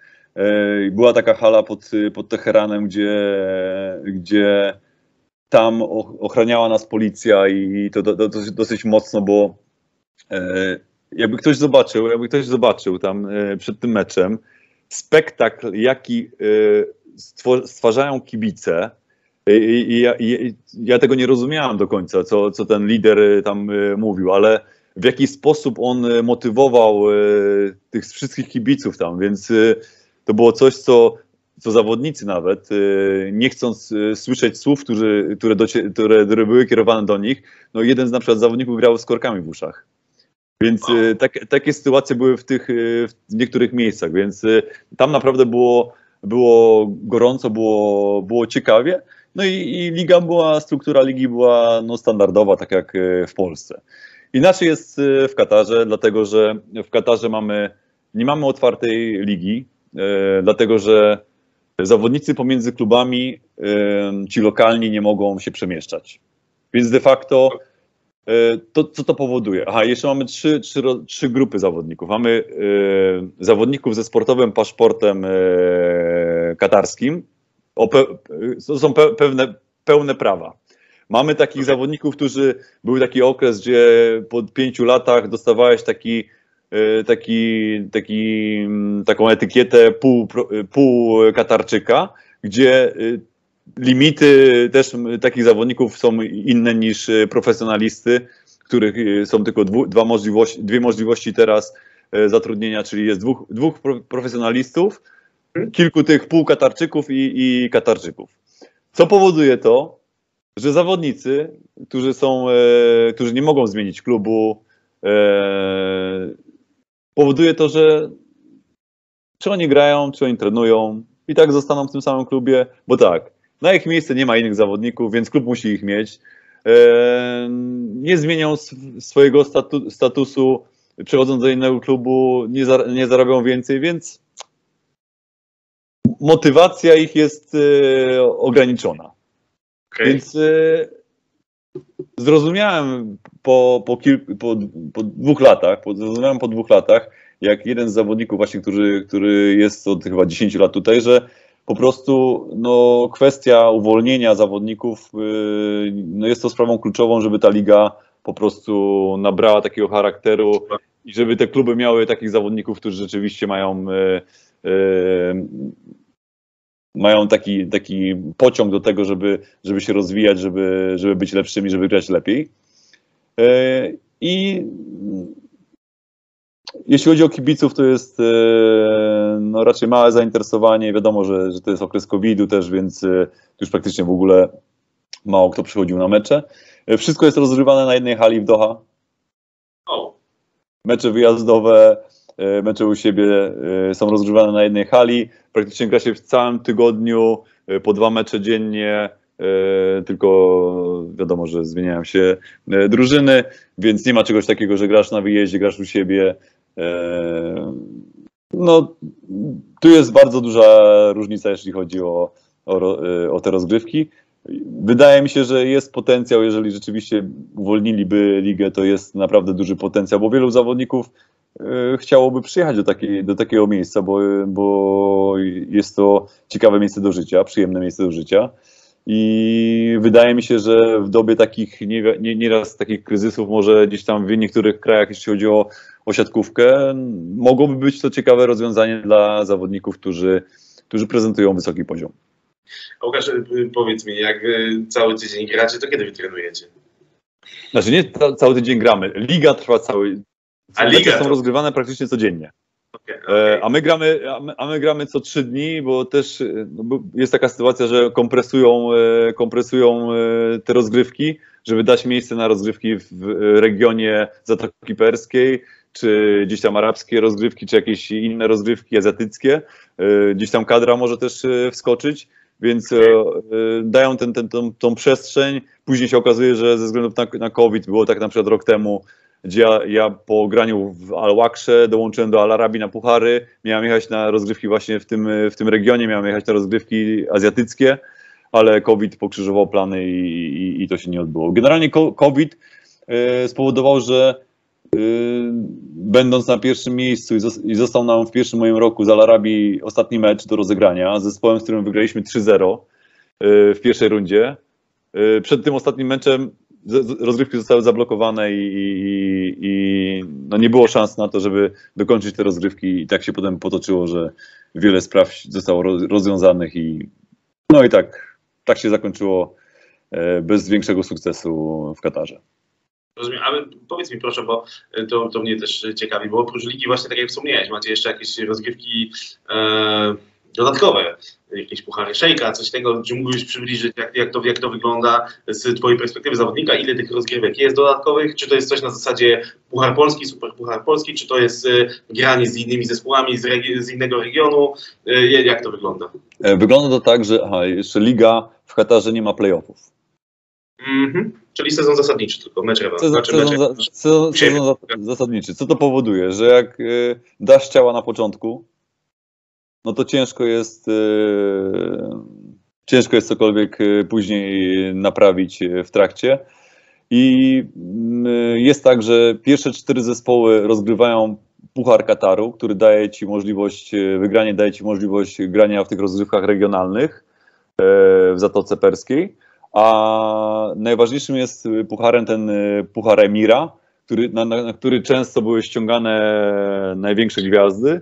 E, I ten puchar daje ci możliwość e, grania w mistrzostwach azjatyckich. I tak to, tak to wygląda. Teraz od e, dwóch czy trzech lat, odkąd ja tutaj jestem, to, to praktycznie ten puchar Emira jest na, na, w tym samym okresie rozgrywany co playoffy w ligach włoskich, tych najważniejszych ligach, więc jest bardzo ciężko ściągnąć dodatkowych innych zawodników.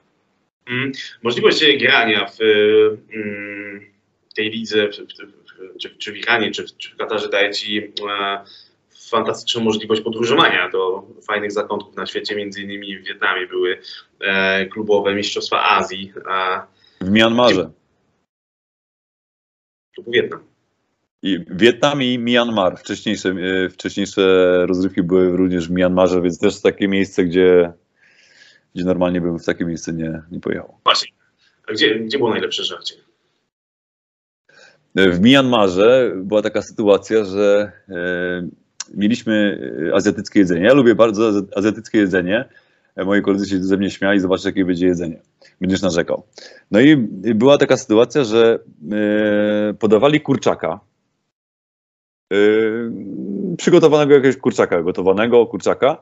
I on był ten kurczak pocięty na małe kawałki, ale miał kości. Ten kurczak był po, poszatkowany z kośćmi. I wiesz, no raz, y, raz zjesz, drugi raz zjesz, to więcej, więcej tych kości, więcej tego, tej pracy na wyciągnięciu tych kości niż tego jedzenia na koniec dnia, nie? Jak na Wigilii. No i tam pytamy się tego menadżera, mówimy, czy można było zrobić kurczaka, pierś z kurczaka grillowaną, żeby nie było tych kości. A on mówi, słuchaj, te kości to mają swój cel, żebyś wiedział, że to jest kurczak, a nie coś innego. Więc po kościach możesz poznać, że, że nic nie jest tam, wiesz, spreparowane, więc... y, E, więc e, takie to były, takie są nieraz przygody, nawet użyteczne, które możesz później wykorzystać. A gdzie było najlepsze jedzenie? Irańczycy kochają jeść, więc, e, więc w samym Iranie było, było, bardzo dobre jedzenie. Ale generalnie każda, każdy kraj, każdy region, nawet we Włoszech, co wcześniej nie widziałem, nawet ma, ma swoje tam podstawowe dania, e, więc e, wina, e, więc e, ja jestem otwarty na, na próbowanie różnych ciekawych, ciekawych dań. Wspomniałeś o Myanmarze, ale ja właśnie tak chciałem, chciałem się upewnić, bo nie byłem do końca e, przekonany swoich racji. I to jest z, Birma, to jest inna nazwa Birmy. Birma, tak. Moja, Birma. Moja żona była tam na, nie w czasach, tylko na, ona była tam na wolontariacie, z tego co pamiętam. Świat No jest, teraz, teraz troszkę niebezpiecznie no, bo jest. tak, tak, tak, tak, tak, tak. Znaczy, ja staram się od politycznych wiadomości, od A, jakichś kilku staram się y, trzymać z daleka, także mimo, że i tak to wszystko puka do mnie oknami i drzwiami, to wolę, wolę zostać, zostać, przy siatkówce. E, Okej, a y, czy w Wietnamie miałeś też y, możliwość skorzystać y, z dobrodziejstw tamtejszej kuchni? E, gdzie? W Wietnamie? E, W Wietnamie w, em, z, za dużo czasu nie mieliśmy takiego, żeby wyjść e, prywatnie gdzieś, bo nie byliśmy w samym. W Hanoi byliśmy tylko jedną noc, więc też e, zrobiliśmy taki mały rekonesans, żeby, żeby zobaczyć, jak jest w tym Hanoi. E, a później byliśmy w, takim miejscu, gdzie za bardzo też e, nie było miejsca, gdzie, gdzie wyjść. Byliśmy praktycznie w hotelu. E, No, ale w tym hotelu nas nie rozpieszczali, jeśli chodzi o jedzenie, więc takich wspomnień kulinarnych nie mam z, z Wietnamu.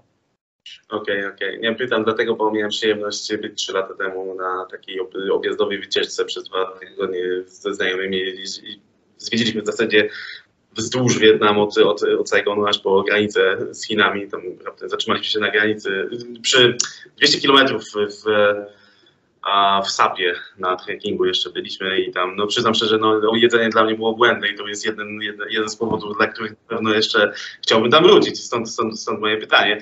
E, Okej, dobrze, wróćmy, mm, wróćmy do e, siatkówki. E, Łukasz, czy oglądasz mm, Plus Ligę?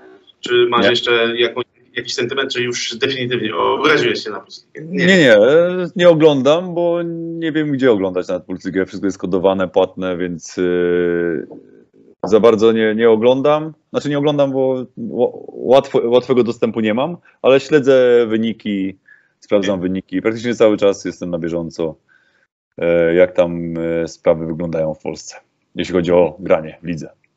Okej, okej, dobra, czy, no w porządku, no, skoro nie patrzysz, no to nie będę cię do, do, do faworyta, bo twojego faworyta, bo no chyba, że masz takiego. No, z, oglądam nieraz skróty meczów, e, na to mam może e, więcej czasu. E, faworyta? Mm, No, Zaksa wygrywa z każdym teraz, tak? Ja, Jastrzębski, Jastrzębski jest mocny. Inne zespoły też, e, jak e, Resowia się roz, e, rozkręca powoli. Ale nie wiadomo, czy ma szansę w ogóle na, na nawiązanie jakiejś tam walki. Ciężko powiedzieć, dlatego że COVID spowodował to, że ta walka nieraz, nieraz jest nierówna. E, No tak. Dlatego, że, że jedni zawodnicy wypadają, nie wypadają. e, Często, często musimy jakoś ratować się różnymi ustawieniami, jak na przykład e, zawiercie e, z Uroszem na wystawie, więc, e, więc e, no, takich kombinacji chyba się sam Urosz nie spodziewał, więc e, Myślę, że nie. Prawda. A jakąś radę byś miał dla niego? No, no tak, no wczoraj, wczoraj, akurat wczoraj, wczoraj, wczoraj, wczoraj grał w ćwierćfinale Pucharu Polski z Resowią.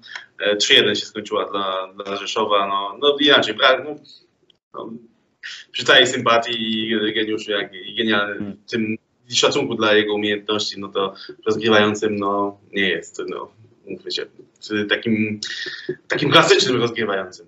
Jak, jak, jakaś, złota, jakaś złota rada. Nie, no, widziałem, widziałem, że wrzucał, wrzucał, e, wrzucał pierwsze tempo z, chyba w pierwszym meczu z, z jednego metra od siatki, więc e, no to Nie było, nie było źle, to nie, no pełen, pełen szacun, no wyjść w zasadzie z, z no, na, no, na, nie chcę powiedzieć strefy komfortu, ale powiem e, i rzucać piłki w jednej z najlepszych, z najsilniejszych lig na świecie, no to trzeba mieć też jaja, żeby po prostu pokazać e.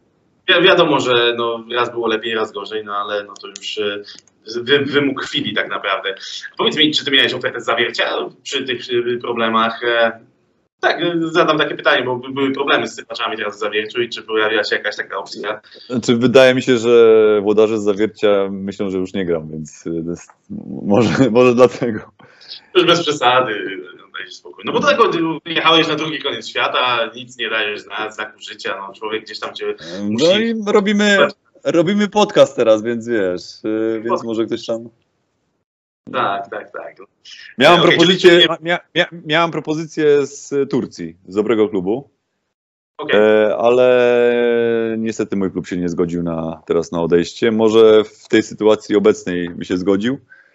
to nie ma, E, więc- tam poszedł. nie, właśnie nie, tam Marów poszedł, a ja miałem do konkurenta pójść, więc, y, więc była taka opcja, ale wtedy mieliśmy jeszcze szansę na, na, na bycie w czwórce tutaj, ale kontuzji dostał nasz atakujący również i, i, i praktycznie bez niego e, ciężko było myśl, myśleć o jakiejś wygranie, wygran, o wygraniu z mocnym zespołem, więc e, teraz jest taka sytuacja, że nie mamy szansy, szansy na czwórkę, więc może w tej sytuacji klub by się zgodził. Okej, czyli czy sezon dla Was się w tej chwili skończył? Czy to już jest, e, czy kontynuujecie grę, ale już nie będzie walki o medale? Kontynuujemy grę, ale nie będzie walki o medale, ale będzie później Emir Cup, więc y, jeżeli zostanę tutaj, to będzie Emir Cup. Okej, powiedz mi proszę, czy y, chciałbyś jeszcze wrócić y, na ligowe parkiety, czy raczej już o tym nie myślisz? Wiesz co, ch- chciałbym zagrać, y, tak się zastanawiałem nad tym wszystkim, e, bo nie ukrywam, że dużo czasu poświęcam też y, rzeczach, o których mówiliśmy wcześniej, nie tylko graniu.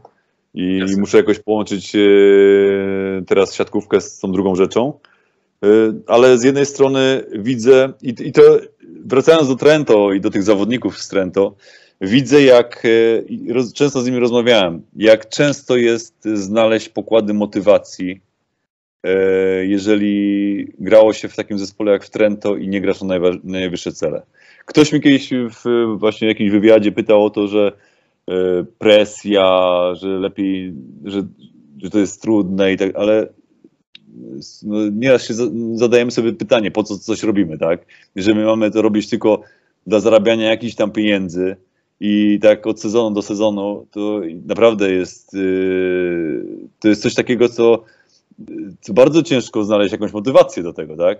Zawsze, ja miałem, ja miałem zawsze jasno wyzna- wyznaczone cele, jak y, bycie w reprezentacji, czy y, Igrzyska Olimpijskie, y, granie w bardzo dobrym klubie, Liga Mistrzów. Przecież mo- moim celem po, po, po Trento było znalezienie się w Kazaniu. Ja chciałem zagrać w Kazaniu. I, i, i nad tym pracowałem bardzo mocno. Y, Nie udało się wyjechać bezpośrednio do Kazania. Wyjechałem do Rosji, do Ryngoju, ale w tym Ryngoju udało mi się wygrać y, z Kazaniem, y, wyeliminować ich z pucharu, mimo tego, że Ka- Kazań później sobie kupił miejsce w pucharze. I dostałem na meczu gwiazd propozycję od Alekny przejścia do, do, do Zenita. Zapytał się, czy, czy byłbym zainteresowany. Ja powiedziałem, no zastanowię się, czy, czy jestem zainteresowany. Oczywiście.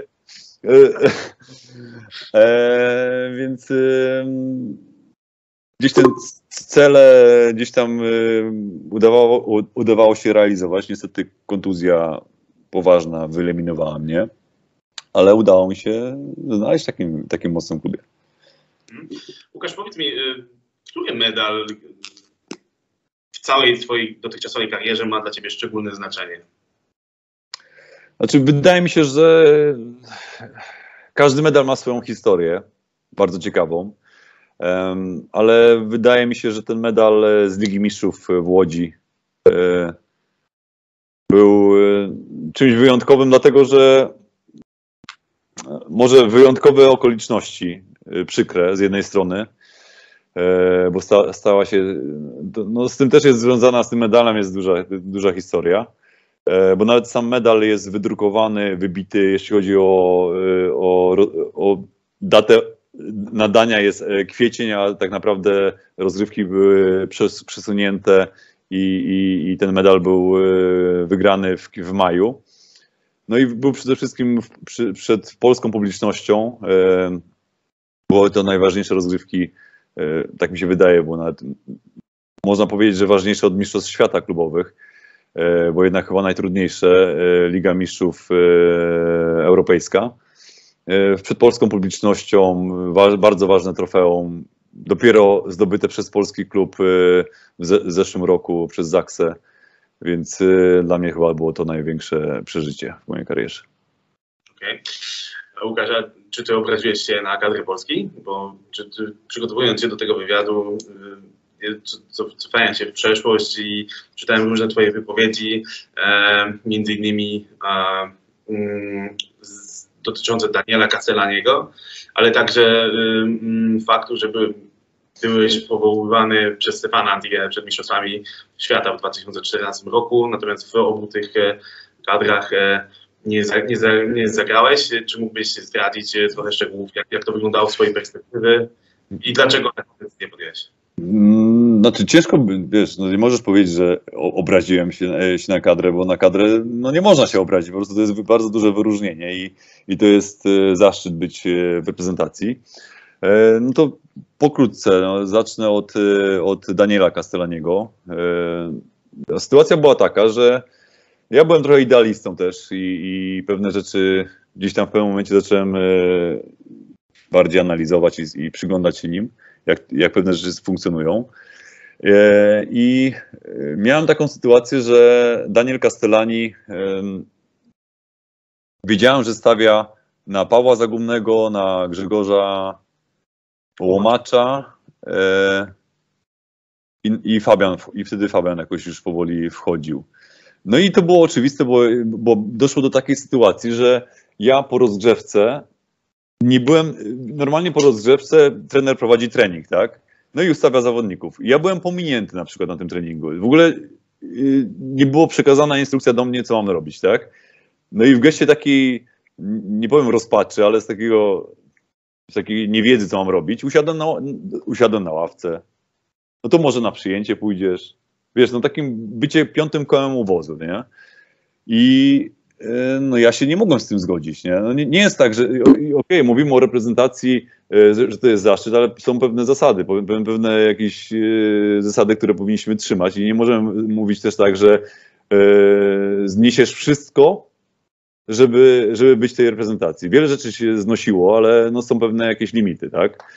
I przeszedłem trzy rozmowy z Danielem Castellanim o tym, że ja nie mam problemu, jeżeli ty stawiasz na kogo innego, to, gratu- to trzymam kciuki za was. Daj, ja, ja jadę do klubu, przygotowuję się, bo wiem, że ja po prostu marnuję czas.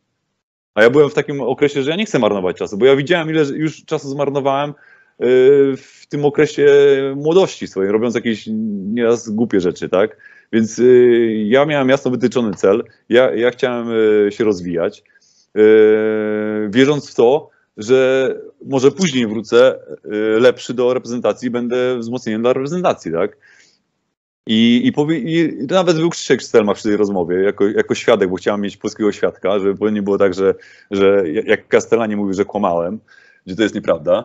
E, więc e, mówiłem, nie ma problemu, ja wyjeżdżam, e, jak, jak sam jeszcze mówi, że stawiasz na, kogoś, na kogoś innego. No i doszło do takiej sytuacji, że e, doszło do takiej sytuacji, żebym teraz chronologicznie to dobrze pamiętał, e, że e, no był, ten wywi- był ten wywiad w telewizji, gdzie Mie- Mielewski się zapytał o, o, e, o, o, o trenera i, i, i wtedy powiedziałem to. I wy, wydaje mi się, że zawodnik powinien mieć, e, powinien mieć, mieć możliwość też wypowiedzenia się, jeżeli coś jest nie tak. E, I i wtedy była taka sytuacja, że pojechałem po tym wywiadzie do, do Katowic, e, jak były rozgrywki w Katowicach. No i przeszedłem tą rozmowę z, z Castellani po raz trzeci chyba i z całym zespołem.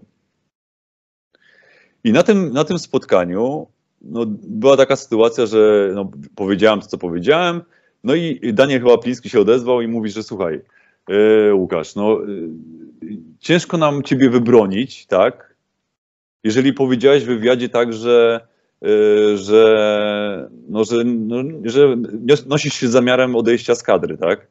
I ja wtedy odpowiedziałem, że no słuchajcie, ja nie jestem tutaj po to, żeby was prosić, czy żebyście mnie wy, wy, wybronili. Ja po prostu rozmawiałem z trenerem i jeżeli trener ma inną, sytua- inną, inną koncepcję, gdzie mnie nie ma, no to ja się żegnam z wami i odchodzę. Więc sytuacja była jasno wyjaśniona, powiedziana i, i, i wszyscy byli zgodni co do, co do sytuacji. Ja nie oczekiwałem od zawodników, żeby się za mną wstawiali, bo, bo nie chciałem się, żeby się wstawiali za mną, żebym był w kadrze i siedział na ławce, na, znaczy na ławce w sensie na, na treningu na ławce, tak?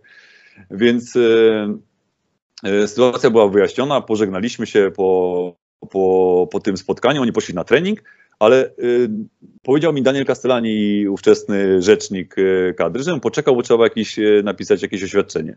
I okazało się, że powodem miało być ze względu na to, że sportowo jestem słabszy, słabszy, co niestety się nie zgodziłem na to.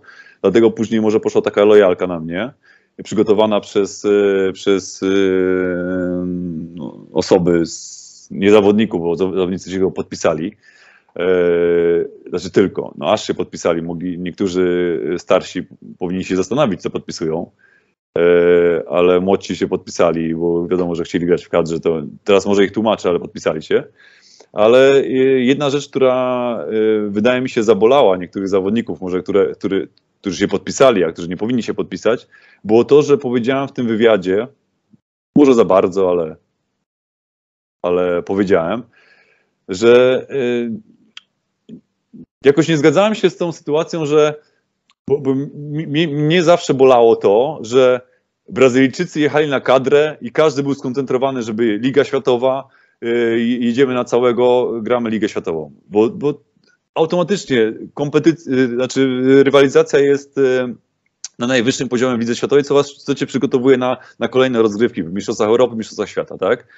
A u nas zawsze było tak, że odpuszczamy, że ktoś jest niegotowy. Nie, nie Jak ktoś jest niegotowy, to jest niegotowy. Są, jest rzesza innych zawodników, która może być gotowa. Nie ma świętych krów. Nie powinno być, moim zdaniem, świętych krów e, wszędzie. Mamy zawodników wybitnych, ale są jeszcze inni, którzy też e, mogą w jakiś stopniu e, do, dorównać w grze, tak? Więc sam, sam, sama koncepcja tego, że my jedziemy na Ligę Światową i o, bo nie ma tego, nie ma tamtego, to jedziemy tylko, żeby, żeby sobie pograć. W ogóle była nie, nieadekwatna z moją koncepcją tego, że powinniśmy walczyć w tych rozgrywkach. I wtedy była taka sytuacja, że, że przyjechali do nas Kubańczycy, a my mieliśmy szansę na awans do, y, do finału, bo wygraliśmy jeden mecz na Kubie i przegraliśmy chyba 3-2 i wygraliśmy 3-0 mecz. I przyjechali ci Kubańczycy i do kadry dołączyli zawodnicy, którzy, którzy byli na wakacjach. I dostaliśmy dwa razy chyba po 3-0 w, w. I nagle się okazało, że tymi porażkami, yy, tymi porażkami nie, nie awansujemy na, na, do finału. No i, i, i, tam, i tam w tym wywiadzie powiedziałem, że nie powinno być tak, że, że, że, zawod, że, że, że podchodzimy do tych rozgrywek w ten sposób, że jedą, jedno, jadą na wakacje, przyjeżdżają, nie są jeszcze gotowi, bo nie są gotowi do grania. Nie można być gotowy, bo przyjedzie na, na, tak. I, i, i to było takim, taką rzeczą, gdzie, gdzie może ktoś pomyślał, że, że poczuł się urażony, ale fakty były takie, że, że przegraliśmy te mecze, nie awansowaliśmy na, na, na, na finał Ligi Światowej. No i później te Mistrzostwa Świata, mimo wszystkich tam różnych sytuacji, które się z, z, tym, z tym złożyły, że ktoś tam zagrał w takim składzie, żeby nas wyeliminować, ale na koniec, dnia to, na koniec dnia to my byliśmy na boisku, to my graliśmy z każdym przeciwnikiem i, i no jest tak, że no, grasz jaki, jaki, masz, jakie masz reguły tam, tak? Jeżeli jesteś mocną drużyną, no to, no to no wygrywasz i, i dochodzisz do finału i, i grasz finał, tak?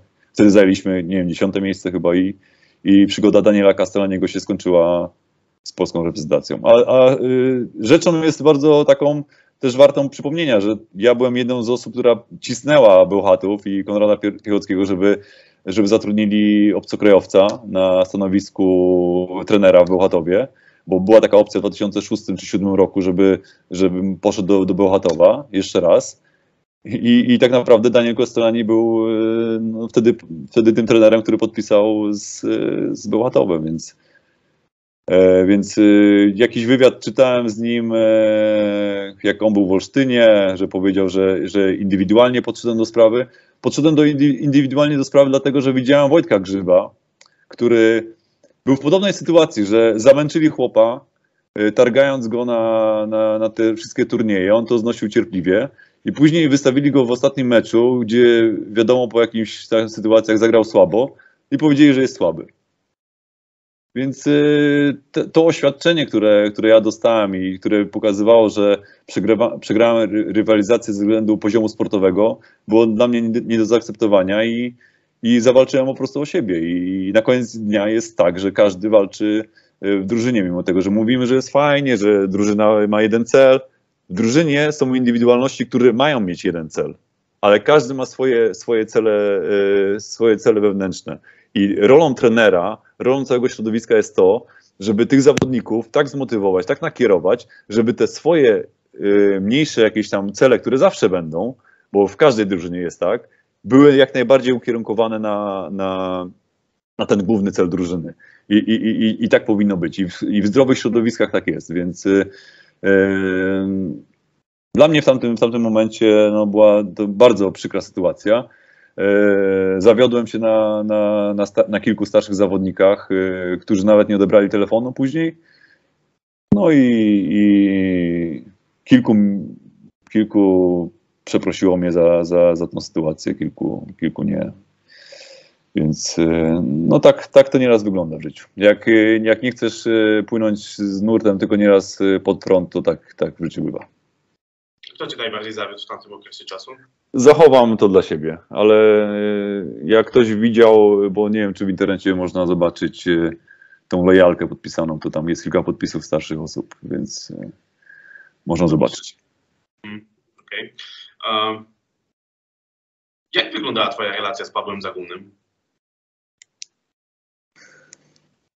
Czy to była zwykła sportowa rywalizacja, czy w pewnym momencie... Mm, ja miałem takie wrażenie, że na pewnym etapie to chyba się nie polubiliście.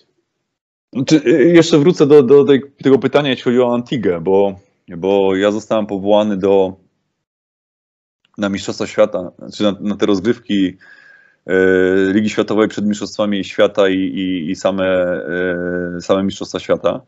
I tam była taka sytuacja, że pamiętajmy, że jak ja dostałem kontuzji w Kazaniu, to Kazań, ludzie w Kazaniu myśleli, że ja skończyłem karierę. Że to jest koniec. Po tym, co, co zobaczyli, co się stało, to oni myśleli, że jest koniec.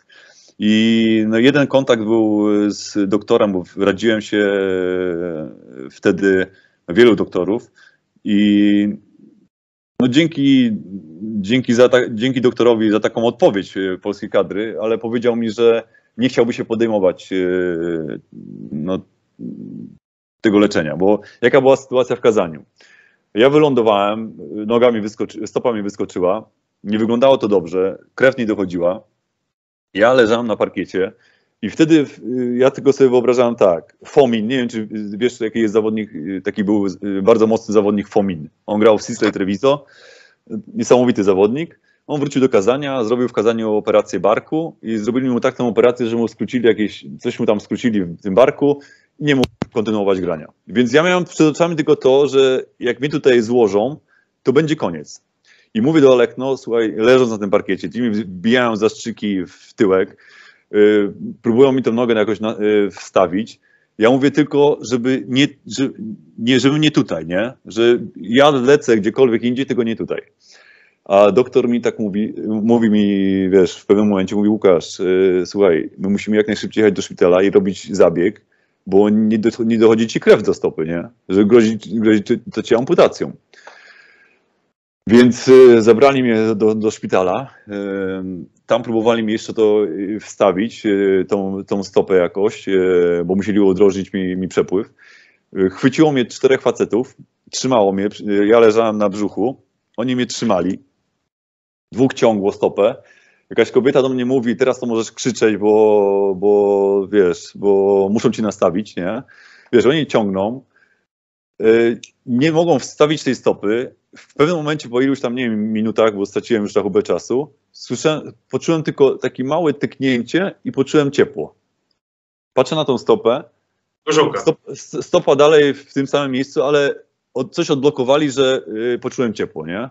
Poczułem ciepło i jak poczułem ciepło, to powiedzieli, dobra, teraz mamy czas na przygotowanie do operacji, więc tomografia, rentgeny i, i to wszystko, żeby przygotować do operacji. No i pojechałem na ten, y, po trzech godzinach chyba pojechałem na ten stół operacyjny i jestem w takim, takim przejściu między salą operacyjną a, a, a, a korytarzem Mhm. na, gola, na, na, na golasa y, leżałem, gdzieś tam był jakiś przeciąg i, i szykują mi y, znieczulenie w plecy, bo mnie odcinają, odcinają praktycznie y, czucie od, y, od pasa w dół. Czyli nie pełna No i ten- y, miejscowe. Tak, miejscowe. No i, no i ten, ten, co mi robi ten zastrzyk, i pyta się po rosyjsku, pyta się, czy skończyłem studia, nie? Wiesz, ja tak się patrzę na niego, mówię po tych, wiesz, po tym wszystkim, co się wydarzyło, mówię, się patrzę na niego, mówię, skąd on w ogóle przyszedł z tą ideą, czy ja skończyłem studia, tak? A mówię, dlaczego się pytasz o to, czy skończyłem studia, nie? A on mówi, bo teraz będziesz zarabiał z tego, czego się nauczyłeś na studiach. A ja mówię, okej. Ja mówię, okej.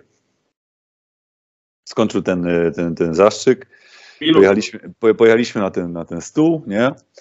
No i wiesz, ja, ja mam coś takiego, bo kilka zabiegów już miałem, że jak ja jestem przytomny, to mam taką ciągotę do tego, żeby patrzeć, co robią, bo chcę kontrolować wszystko. Oni w ogóle byli wkurzeni na mnie, że ja y, o wszystko się pytam, nie? Wiesz, na, tym, na tym stole jadę, ja się pytam, co będziecie mi robili, gdzie robili, jak robili, wszystko chcę wiedzieć, a oni się pytają, kim ty jesteś? Jesteś lekarzem, że się pytasz o wszystko, chcesz wszystko wiedzieć, nie?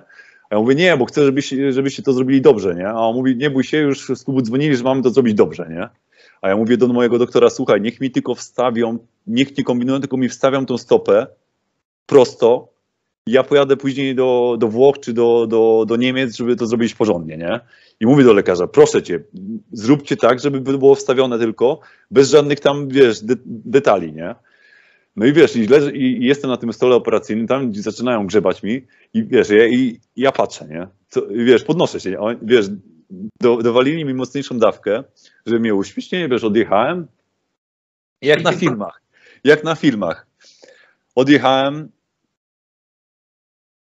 Zrobili mi operację.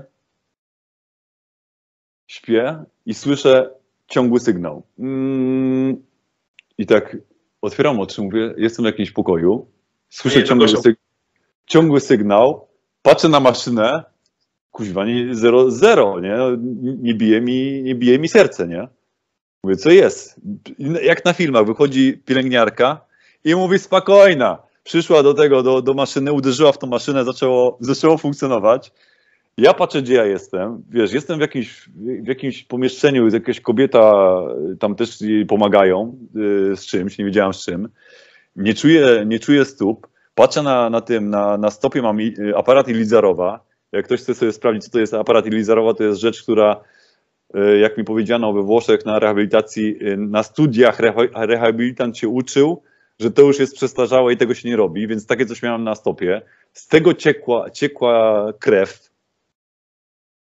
Nie mogłem, i teraz tak, nie mogłem wyjechać do, do Włoch od razu, bo nie miałem formalności o wizę o pracy zakończonych, bo to było, tak to się szybko wydarzyło, że te formalności trwały, ja nie mogłem wyjechać, bo jakbym wyjechał, to nie mógłbym wrócić. Więc musiałem poczekać kilka dni. Udało mi się skontaktować z Lorenzo Bernardim, który miał kontakt do profesora Gianniniego w, Bolonii, który, y, do którego profesora się czeka pół roku na konsultację. Udało się załatwić od razu y, zabieg. Nie mogłem wyjechać od razu, musiałem poczekać o kilka dni, więc zostałem w tym szpitalu y, y, tam y, w tym, w tym kazaniu. Y, No i to, tego nie będę mówił, może kiedyś to jeszcze opowiem. Historia też jest ciekawa, w tym szpitalu było bardzo ciekawie.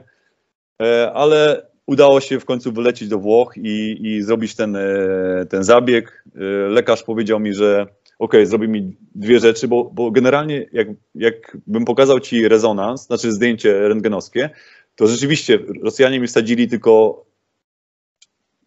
przy, przykręcili mi stopę i wsadzili tego Lizerowa. Cała, cała rzecz w stopie jest, polega na tym, że jest bardzo dużo kości i muszą to dobrze ustawić. Więc y, profesor y, w, y, we Włoszech to ustawił mi we właściwe miejsca i powiedział, że ok, Czyli było w tych miejscach ustawione. ona, ona była, ona jak, jak z boku patrzysz na zdjęcie, to, to jest, widać, że jest nierówno.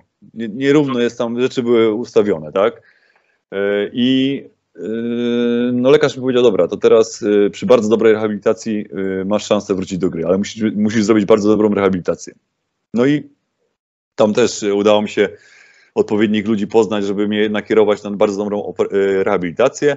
No i generalnie kończąc tą, tą całą historię, bo ona jest bardzo długa i skomplikowana, pojechałem, aha, jeszcze w tym szpitalu, yy, jak ten doktor mi powiedział, że yy, będę zarabiał z, z grania, no to yy, przyszedł z kazania no, Alekno, prezes i dyrektor sportowy i powiedzieli mi, że, że wszystko w porządku, my się zaje- zajmiemy, ale dyrektor na koniec mówi, słuchaj Łukasz, za 6, za 6 miesięcy nie wrócisz, to podpisz tutaj umowę o rozwiązaniu kontraktu, bo ja miałem kontrakt na dwa lata. Ja mówię, słucham?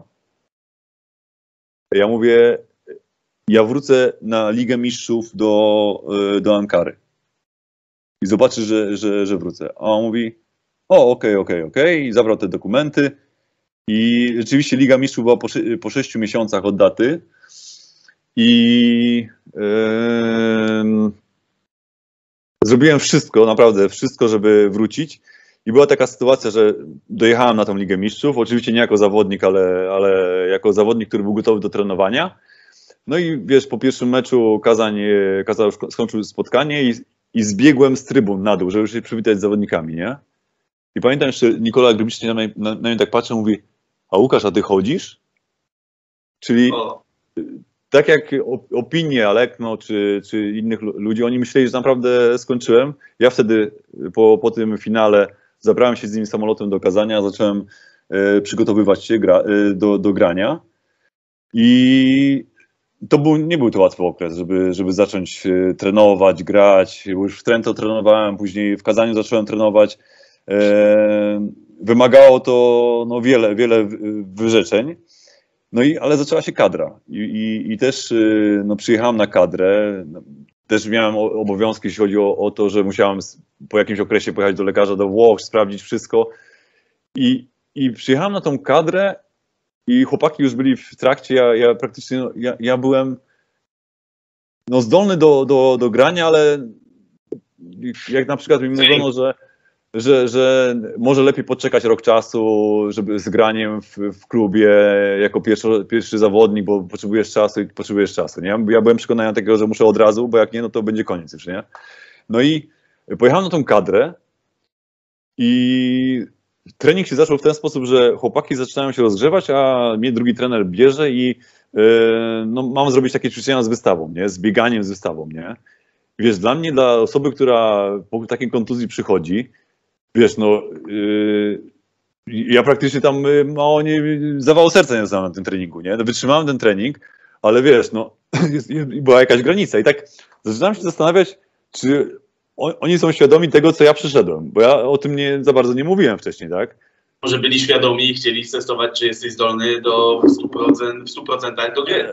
No, więc, y, więc y, po, po tym jak grałem, jak sam siebie obserwowałem, to było widać, że no, jest dużo do poprawy, że to, to przemieszczanie jest y, nie takie, jakie powinno.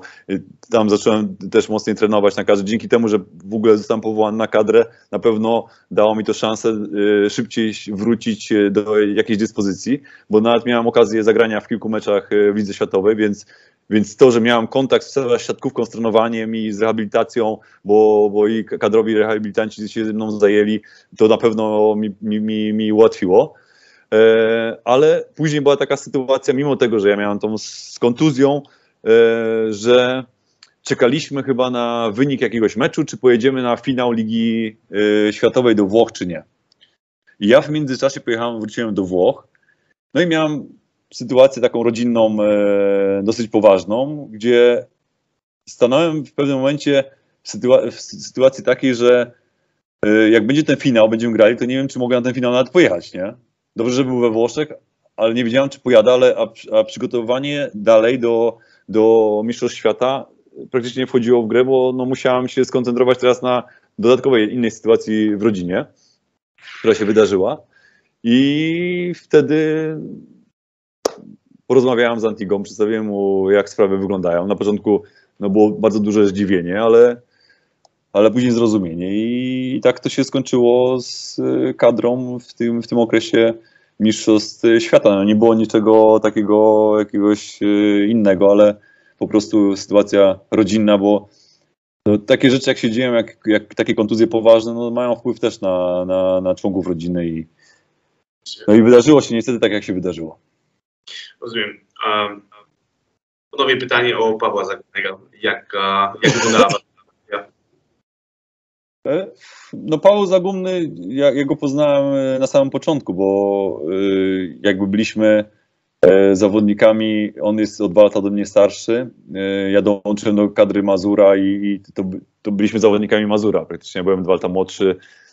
I Paweł Zagumny od samego początku no, był zawodnikiem wyróżniającym się, tam y, on miał okazję już od samego początku pojechać na Igrzyska Olimpijskie w 96 do, do Atlanty.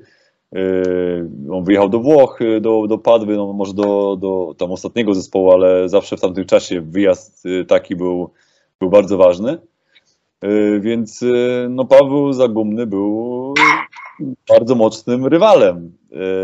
I, i Jak wygląda relacja? My wiemy doskonale, że Paweł był świetnym zawodnikiem. No, ty również jesteś no, świetnym no, zawodnikiem. no, re, no relacje były normalne, no nie byliśmy jakimiś tam przyjaciółmi, byliśmy po prostu jak kolegami. No. Czyli nie przepadaliście za sobą, mówiąc wprost. Nie wiem, czy nie przypadaliśmy ze sobą, po prostu tolerowaliśmy siebie moim zdaniem. Ale wiesz, no, tolerować y, to ja mogę no, obecny rząd, no, ale, ale darzyć się sympatią bądź nienawidzić to jest, jest, jest, jest jednak różnica. Natomiast y, okej, no dobra, no nie będę cię ciągnął za język, no słuchaj, no. Natomiast no, gdzieś tam jakieś tam swoje przypuszczenia i myśli na ten temat mam. Okej, e, chyba, że chcesz coś dodać jeszcze w tym, w tym temacie. Nie, nie, nie. E, Ugryziesz się w język. Dobrze, dobrze. E, Łukasz, e, jak oceniłbyś te prawie 4 lata Witala Heinena w reprezentacji Polski? A, sie- osiem imprez, 6 medali, jeżeli dobrze, jeżeli dobrze pamiętam. Jak twoim zdaniem kadra rozwinęła się przez te kilka lat pod rządami Belga? Nie, Wydaje mi się, że miał bardzo duży wpływ na, na rozwój kadry na samym początku. W tym okresie, kiedy objął i pojechał na Mistrzostwa Świata. E, Był to okres, w którym, e, którym bardzo stał stanowczo przy, przy swoich e, e, jakichś wizjach zespołu. Nie ukrywamy, że no, mamy zespół i, i potencjał e, bardzo mocny, więc każdy trener, który przychodził do, do kadry już w pewnym okresie po, po Lozano, e, miał już przetarte, przetarte szlaki. E, No tutaj była sytuacja taka, że no jechaliśmy na Mistrzostwa Świata drugie, aby bronić te, te, te Mistrzostwa Świata. Nie byliśmy pewni, jak tam, e, nie byliśmy ro, e, stawiani w roli faworyta. Nawet samo losowanie Włochów w finale pokazywało to, że nie, nie biorą nas te zespoły poważnie, ale cały czas mieliśmy cały czas mieliśmy no, no, duży potencjał. Ja, ja nawet taki, bo w Szczecinie były te ostatnie sparingi i taki wywiadu udzieliłem, że, że byliśmy, i to oglądałem któregoś czasu, że byliśmy zespołem, powiedziałem nam, że byliśmy zespołem, z którym bardzo trudno się gra. Bo y, Vital, co, co, co spowodował? Vital spowodował taką rzecz, że e, praktycznie nie robiliśmy błędów w, w ataku, bo każdą piłkę, którą, e, która była niewygodna, on trenował to. To nie, nie, nie wszyscy wiedzą, on trenował to, że, że zawodnicy uczeni byli odpowiednio kiwać te piłki, te przebijać na drugą stronę e, agresywnie. Więc nagle sta, e, grasz z polskim zespołem, który, który ma dobry blok, e, no, ma, jest dobry, do, dobry technicznie i który żeby zdobyć z nim punkt, musisz się naprawdę wysilić, tak? I, i dla mnie w tamtym momencie było, było to, jak Bartosz Kurek zagra. Dlatego, że w Szczecinie, na tych sparingach, e, Bartek e, no, grał różnie i, i tam nawet w pierwszym secie e, z siedmiu chyba gdzie tam Fabian mu wystawiał, skończył chyba jedną, więc to też powodowało na to, że, że z jednej strony tak, trener na ciebie stawia, bo wie, że w jakimś momencie może odpalić. Rozgrywający ma ból głowy, bo nie wie, czy ty odpalasz, czy nie odpalasz. Musi odpowiednio też jakoś tą taktykę ustawiać. Zawodnicy wokół też muszą siebie cały raz wierzyć, nie? więc musisz dawać im jakiś sygnał, że, że tam, że, że, że no warto na siebie stawiać. I pamiętam Bartek wtedy, bo Bartek był w Szczecinie w zespole, on przyszedł na jeden trening i też byłem ciekawy, bo nie grałem z Bartkiem przez jakiś już okres czasu, czy będziemy mogli grać szybko, jak, jak, jaką piłkę, że, żebym ja jako rozgrywający mógł sobie już wyobrazić to, jak on przyjedzie z kadry, jak będziemy grali, tak? I byłem zaskoczony bardzo pozytywnie, bo, bo widziałem, że no, poza tym, że Bartek ma niesamowity potencjał i to w wielu klubach włoskich akurat mówili, że jak był w Lubę, zawodnicy mówili, jak kiedyś ja trenowałem przez chwilę w Lubę e, przed Iranem, to mówili, że słuchaj, tutaj przewijały się wielkie gwiazdy, nie? Ale zawodnik o takich potencjałach, jaki miał Bartek, to nie widzieli, więc... tu nie ma, nie? Wie, więc, więc ja byłem bardzo tak pozytywnie po tym treningu nastawiony na, ok, jest kadra, ale on przychodzi do, po kadrze i, i że będziemy pracować razem. No i, i tak naprawdę na tych mistrzostwach Bartek, Bartek wystrzelił w najważniejszym momencie. Nie było łatwo tam na początku, bo różne były tam szanse, ale, ale, ale ktoś tam mówi, że obo Serbowie odpuścili, ale turnieje mają swoje takie, takie różne sytuacje, że, że trzeba te sytuacje wykorzystać i my, my je wykorzystaliśmy. No i Bartek zagrał e, no, fenomenalnie ten, ten, tą ostatnią część.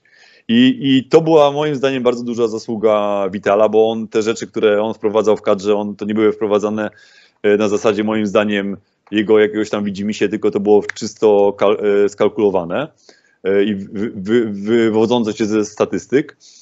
I Później yy, wydaje mi się, że po przyjściu Leona nagle się okazaliśmy zespołem, który ma wygrywać.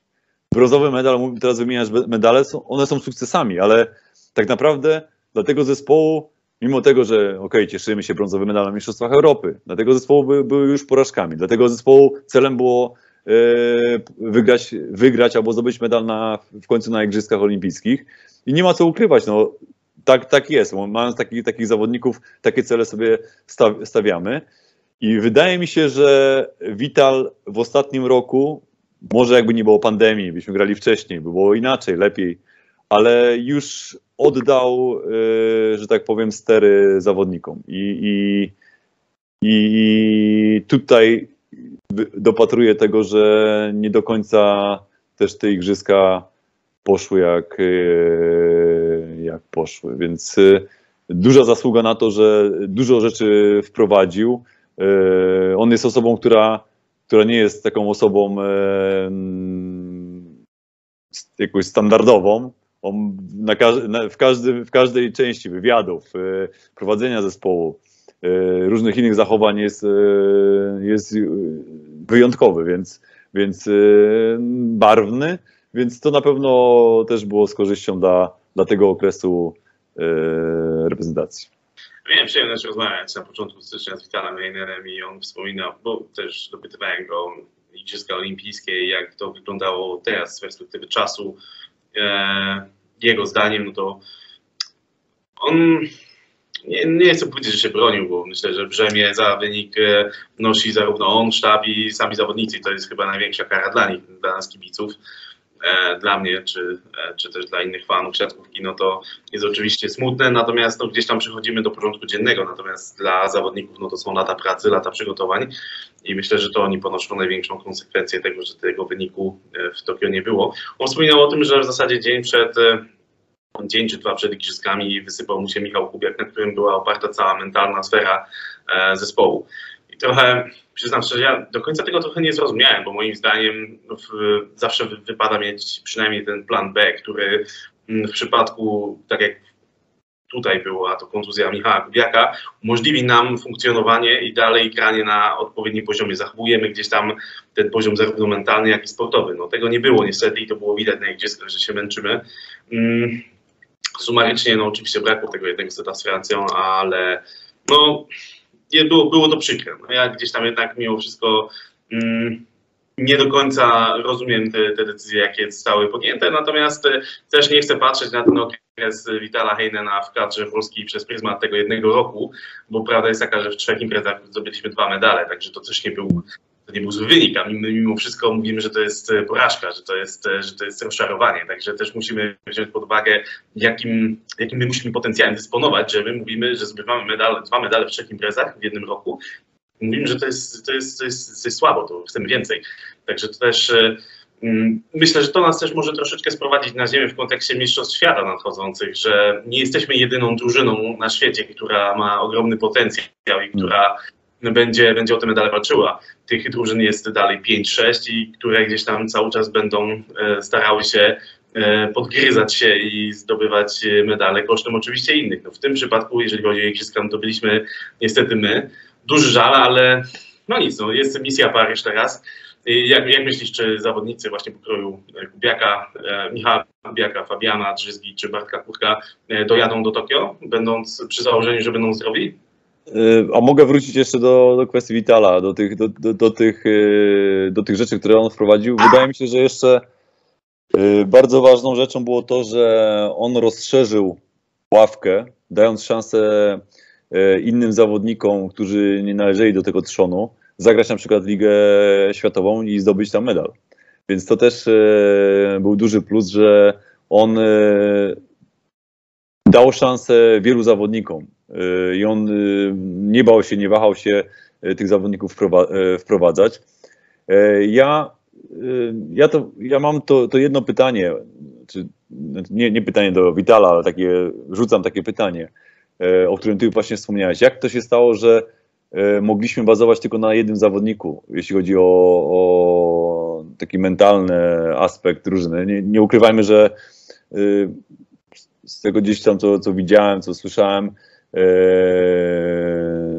Michał Kubiak był tym, tą osobą, która wpłynęła na zawodników na Mistrzostwach Świata i, i, i która zmotywowała ich e, do tego i, no i duż, dużo było przemian w trakcie Mistrzostw Świata dzięki Kubiakowi. E, Ale ja na przykład zauważyłem jedną rzecz w trakcie i, i z wypowiedzi niektórych zawodników czołowych i, i zachowań zawodników. Nie, nie potrafię zrozumieć jednej rzeczy, że ma, mając na przykład Bartka Kurka, który jest y, no, takim zawodnikiem, mając Leona, który był zawodnikiem, który on, na nim się opiera cała gra w klubach. Tak? On w Zenicie to była taka sytuacja, że Marufa wypieprzyli z Zenitu, bo, bo, on, bo Alekno kazał wy, wystawiać tylko do Leona w końcówkach. Na przykład czy tam w jakichś momentach. I, i Marów tam po swojemu jakoś starał się rozgrywać. Nie odpowiadało to trenerowi out. Więc Leon był zawodnikiem, który on, jak, jak widziałeś finał, e, finał e, Ligi Mistrzów chyba z Kazania, jak on gra- grali z Lubę, no to tam był, było, było, Lubę i był, le, reflektor był ustawiony na, na, na Leona. I on Lubę z Leonem, Lubę z Leonem, nie umieszczając innych, ale no tak to było. On, ten Leon do, do niego piłki i zagrywka do, do, do niego. I to był, to był lider, tak?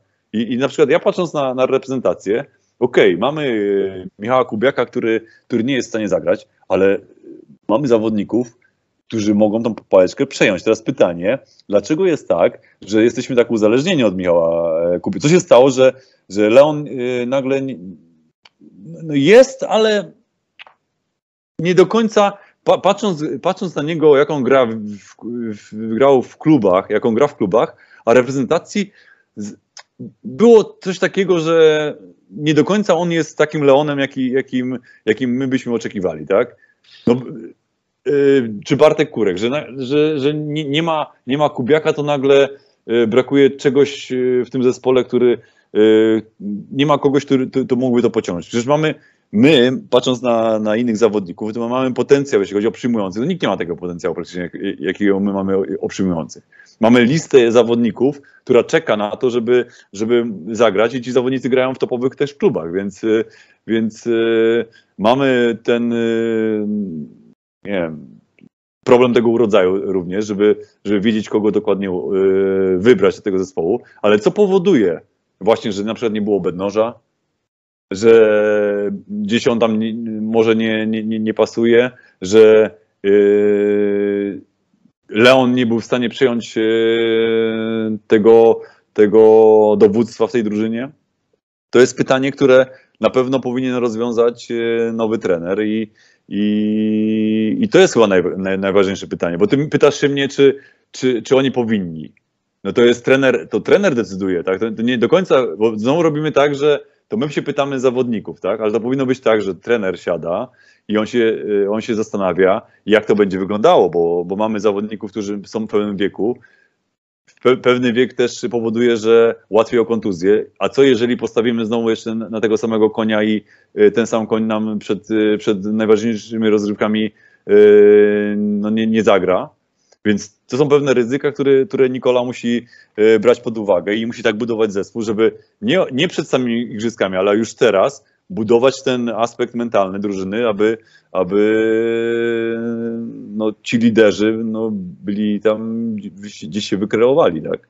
Ja zadałem to pytanie Witalowi Heinenowi i on wspomniał o tym, że to nie jest, to nie była do końca jego decyzja, że cały mental, cała siła mentalna zespołu skupiła się na E, Michale Kubiaku, ale była to e, decyzja drużyny, bo za każdym razem, kiedy on miał jakąś zagwozdkę i e, pytał zawodników, o, o, jak najlepiej ją rozwiązać, wszyscy odsyłali go podobno do Michała Kubiaka. I to powiedział, powiedział właśnie w wywiadzie ze mną, także to jest, można sobie można odsłuchać. I on wspomniał, ja się zapytałem, czy nie można było tego jakoś podzielić.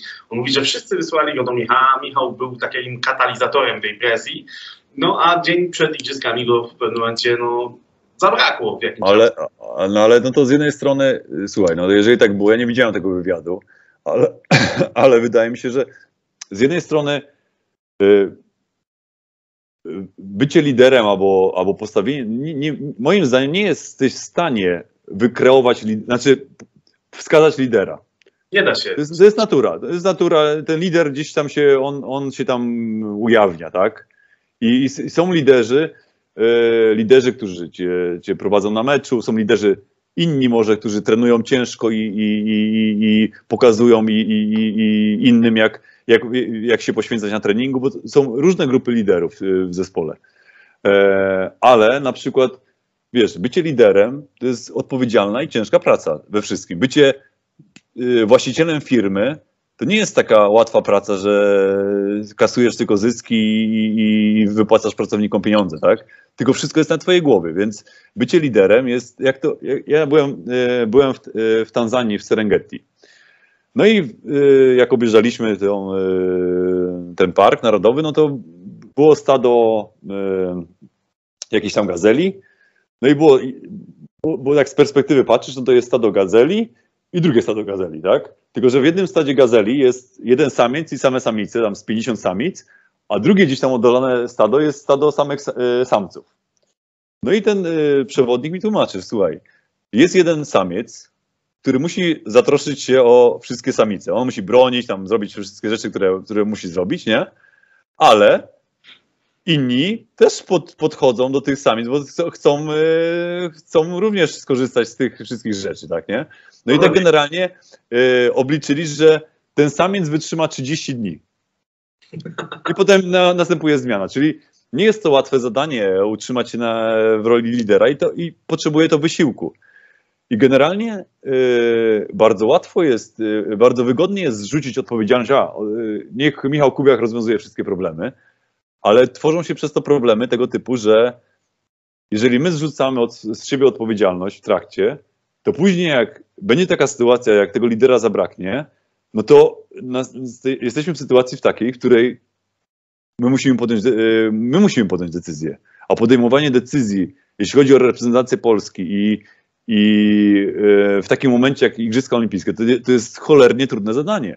Bo ja miałem, y, miałem możliwość być raz tylko na Igrzyskach Olimpijskich, gdzie, gdzie mieliśmy szansę tam y, również zdobyć medal, ale byłem, były to moje pierwsze Igrzyska Olimpijskie I ja sobie zdałem sprawę, że Igrzyska Olimpijskie są totalnie inną e, imprezą. E, czujesz, czujesz tą odpowiedzialność, tą inność, tą wartość tego wszystkiego. Czujesz to, jaka to jest unikatowa szansa dla ciebie jako zawodnika zdobyć coś wielkiego. Bo to tam, tam jak zdobędziesz coś, to jest coś, to, to coś wielkiego, tak? I zdajesz sobie sprawę, że następna szansa jest za 4 lata. I nie wiesz, czy będziesz miał szansę na to, żeby znowu zawalczyć. Nie wiesz, jakie będą okoliczności, czy będzie dobry zespół, czy w ogóle ty będziesz w tym zespole, czy będziesz, nie będziesz miał kontuzji, czy w ogóle będziesz w tym zespole i czy, czy na, na, na te igrzyska kolejne pojedziesz. Więc to jest niesamowita odpowiedzialność i jeżeli tak mówisz, że, że Vital podszedł do tego, że, że okej, wszystko załatwia Kubiak, no to nie wiem, czy to też była dobra decyzja, jeżeli y, wszystko zrzuciliśmy na głowę, na głowę Michała, nie? Więc y, y, wydaje mi się, że tam więcej osób powinno być w takiej roli, która powinna decydować. I automatycznie wydaje mi się, jeżeli oni braliby udział w tych decyzjach, to, to może przyjęcie tego, tej, tej roli lidera byłoby inne na boisku później. Łukasz, ty znasz Nikolę Grbicia, ponieważ miałeś przyjemność grać z nim w jednym zespole. Mm, Założę, że się kolegujecie. E, Czy twoim zdaniem wybór Serba jest e, na t- trenera reprezentacji Polski jest e, dobrą decyzją? I jeżeli tak, to co Serb może... Jedyny aspekt tylko.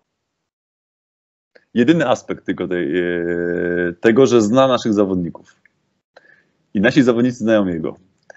I historia pokazuje, że lepiej nam było za, z trenerami, którzy chyba e, te relacje były takie bardziej Formalny. był pewien dystans, y, dystans na początku. I mam nadzieję, że Nikola na tyle jest silny. e, Będzie, nie będzie miał łatwo, będzie miał bardzo trudno, bo naprawdę w polskiej reprezentacji odstrzelić kogoś, mówiąc brzydko, jest bardzo trudno. No bo nie ma kogo. tak lub, zde, lub zdecydować się na wybranie może młodszego zawodnika, zaryzykowanie, że okej, obudowujemy tego zawodnika tą resztą gwiazd, bierzemy jakiś element, który będzie kluczowy za 3 lata. E, podjąć takie decyzje nie jest łatwo w Polsce. I, I on musi być naprawdę twardy do tego, żeby, żeby podjąć takie trudne decyzje, żeby obronić je, żeby mieć argumenty do, do obrony i, e, no i liczyć na to, że, że jego decyzje będą trafione. Mhm. Łukasz, jak myślisz, e, kto, m, kto pojedzie na Mistrzostwa Świata, jeżeli chodzi o rozegranie? Wydaje mi się, że to jest e, e, kluczowa decyzja, którą Nikola musi podjąć. E, I o tym mniej więcej powiedziałem wcześniej, że e, może będzie taka sytuacja, w której będzie musiał podjąć e, bardzo trudną decyzję, e, która może nie wszystkim się spodoba, ale wydaje mi się, że to jest bardzo ważna kwestia rozgrywający reprezentacji Polski. E, Wybór i wybór, decyzja, moment, kiedy zaryzykować z, może ze zmianą. Więc to jest bardzo, bardzo, bardzo ważna decyzja i będę się przyglądał tej, tej decyzji. A czy ty widzisz, ym, a, no bo tak, no, poprzednim Mistrzostwach Świata był to Grzesiek Łomacz i Fabian Drzyzga. Czy w, tym, w tym roku widzimy, że jednak kilku y, młodszych rozgrywających pojawiło się na plusligowych parkietach, którzy też już wcześniej grali, grają coraz więcej, nabierają doświadczenia, stają się coraz lepsi. Są to m.in. Marcin Janusz, y, Janek Firlej, e, Marcin Komenda, y, który też ma już zaliczone kilka epizodów w kadrze, natomiast no, akurat tutaj e, zespół z Nysy no, jednak dołuje trochę, więc myślę, że Marcinowi z tej trójki będzie najtrudniej gdzieś tam wspiąć się e, w, szczebelki i czy w ogóle dostać się do, do, do tej kadry. Czy ty masz jakiegoś swojego takiego prywatnego faworyta, kto mógłby przejąć e, pałeczkę pierwszego rozgrywającego, czy będzie to dalej Fabian w twoim odczuciu? To jest bardzo trudna rola i e, może na, na przykładzie Pawła właśnie Zagólnego e, powiem, że e, dojście, e, dojście Pawła Zagumnego do takiego momentu, gdzie reprezentacja zaczęła zagrywać, oczywiście e, wygrywać, to, to, to, nie, to nie znaczy, że to jest jakby od zależności tylko od rozgrywającego, ale wiadomo, że po pewnym okresie długim przyszedł Raul Lozano i Raul Lozano miał ogromny wpływ na, na naszą grę. E, ale przygotowanie rozgrywającego do, do topowych, e, do grania na topowym poziomie nie jest łatwe. I na przykład w jego, w jego, na jego przykładzie wyjazd, wyjazdy, takie jak na, na igrzyska, mimo tego, że on chyba jechał jako przyjmujący wtedy, ale bycie na takich igrzyskach, y, kontakt z zawodnikami y, z tego poziomu, no, możliwość grania nawet, grania i, i przegrywania na takich imprezach, no powoduje to, że no, gdzieś tam się zawsze cały czas rozwijamy. Więc y, y, nie będzie łatwo zastąpić y, Fabiana, który od jakiegoś czasu gra e, pierwsze skrzypce, jeśli chodzi o rozgrywającego w reprezentacji. E, więc e, postawienie na przykład na Janusza, który jest bardzo ciekawym, e, moim zdaniem, e, e, rozgrywającym, e, może nie być łatwe, ale wiedząc, że będzie miał otoczenie zawodników e, na bardzo wysokim poziomie, może być to łatwiejsze. Wracając do tego pytania, jak, mówi, jak pytałeś się mnie, czy łatwo jest, e, jak się gra z takimi zawodnikami jak Łantarena czy Kaziński, czy tam, e, nie wiem, Sztok, Wisotto, mając na skrzydłach, więc, więc mając obudowanego tak, tak rozgrywającego, Janusza, który no, bardzo długo gra już widzę, gra teraz w Zaksie, Zaksa wygrywa, czyli to nie jest e, też żółt, żółtodziób. E, Nie wiem, jakie on ma predyspozycje charakterologiczne, e, ale może być też brane pod uwagę. Coś jeszcze, czy tylko Ciężko mi się wypowiadać, bo nie widziałem na przykład Firleja. Trochę ubolewam nad tym, że komenda no, słyszałem, że miał możliwość odejścia do, do Włoch i skorzystał z tej sytuacji. E, A to na pewno w pewien sposób, moim zdaniem, spowodowałoby, że e, że mógłby nauczyć się czegoś nowego. E, Więc często stajemy przed takimi decyzjami jako zawodnicy, że no jest trudny wybór, nie? bo każdy ma jakieś tam swoje jakieś tam prywatne sprawy, które, które, które, które, na podstawie których decyduje się o wyborze. Ale, ale te wybory są trudne nieraz, ale nieraz te trudne wybory nieraz są może właściwsze, bo, bo gdyby on, był, gdyby on na przykład był teraz we Włoszech, nawet w średnim zespole, yy, wydaje mi się, że yy, korzyści z, takiego, z takiej decyzji byłyby dużo lepsze, patrząc na jego przyszłość i patrząc na ilość konkurentów, jakich ma na swojej pozycji. Łukasz, y, ostatnie pytanie. Dopłynęliśmy, dopłynęliśmy. E, Co y, polska reprezentacja e, Twoim zdaniem osiągnie na Mistrzostwach Świata w tym roku? Co osiągnie na Mistrzostwa Świata? Wielka niewiadoma dla mnie. Yy, Wielka niewiadoma, dlatego że rozgrywki są rozbudowane, yy, rozgrywane są w, w całej Rosji. Yy, Mamy sytuację tą pandemiczną, mam nadzieję, że też to się wszystko yy, powyjaśnia i będzie unormowane. Yy, W zależności od tego, co, co Nikola planuje, dlatego że on z tego, co widziałem w wywiadach, mówi na temat igrzysk cały czas, tak? Więc wiemy, że nie możemy odpuszczać, tak? Że bronimy kolejnego Mistrzostwa Świata, yy, ale no, to może być też tak, że będziemy trochę próbować nowych, yy, nowych rzeczy na tych mistrzostwach, więc yy, jak będziemy próbować nowych rzeczy, to może być, może być różnie. E, Łukasz, czego, czego, czego, czego Ci życzyć? No, życzę Ci przede wszystkim dużo zdrowia w tym trudnym, pandemicznym czasie. E, no, nie będę ukrywał, życzę Ci pobicia tego rekordu Guinnessa tej pani, która jutro będzie go łamać w wieku 85 lat, który grał jak najdłużej. Cieszył się przede wszystkim e, tą grą, bo no, jak, póki, póki coś sprawia frajdę, to znaczy, że, że wart, wart, jest warte robienia. Mam nadzieję, że no, kiedyś jak już przyjedziesz do Polski, to spotkamy się i będziemy mogli w cztery oczy pogadać. E, także dziękuję Ci serdecznie za no, 2 godziny 15, to rekord, e, jeżeli chodzi o nasz podcast, także Gaduła jestem. Wię, gaduła większa od Heinena? E, Z Heinen e, Vital powiedział mi tylko, że on e, spóźnił się 5 minut, mówi, ja mam czas do wpół bo e, następny wywiad już mam. Ja A, a ja tu mam dwie, ja tu dwie strony pytań, to, to takie nie będzie. Nie, nie, bo tak to bym z każdym po dwie godziny gadał. Hmm. Także pół godziny tylko udało mi się z Witalem porozmawiać, ale mimo wszystko fakt, że dostrzega gdzieś tam potencjał naszego projektu siatkarskiego już napawa optymizmem, także pół godziny były naprawdę dużą nagrodą za to, co przez y, ten czas zrobiliśmy z dziewczynami, jeżeli chodzi o cały volley time. Także dziękuję Ci serdecznie. Moim Państwa gościem był Łukasz Żygadło. Dziękuję bardzo. Pozdrawiam Was serdecznie. Wszystkiego dobrego. Yeah,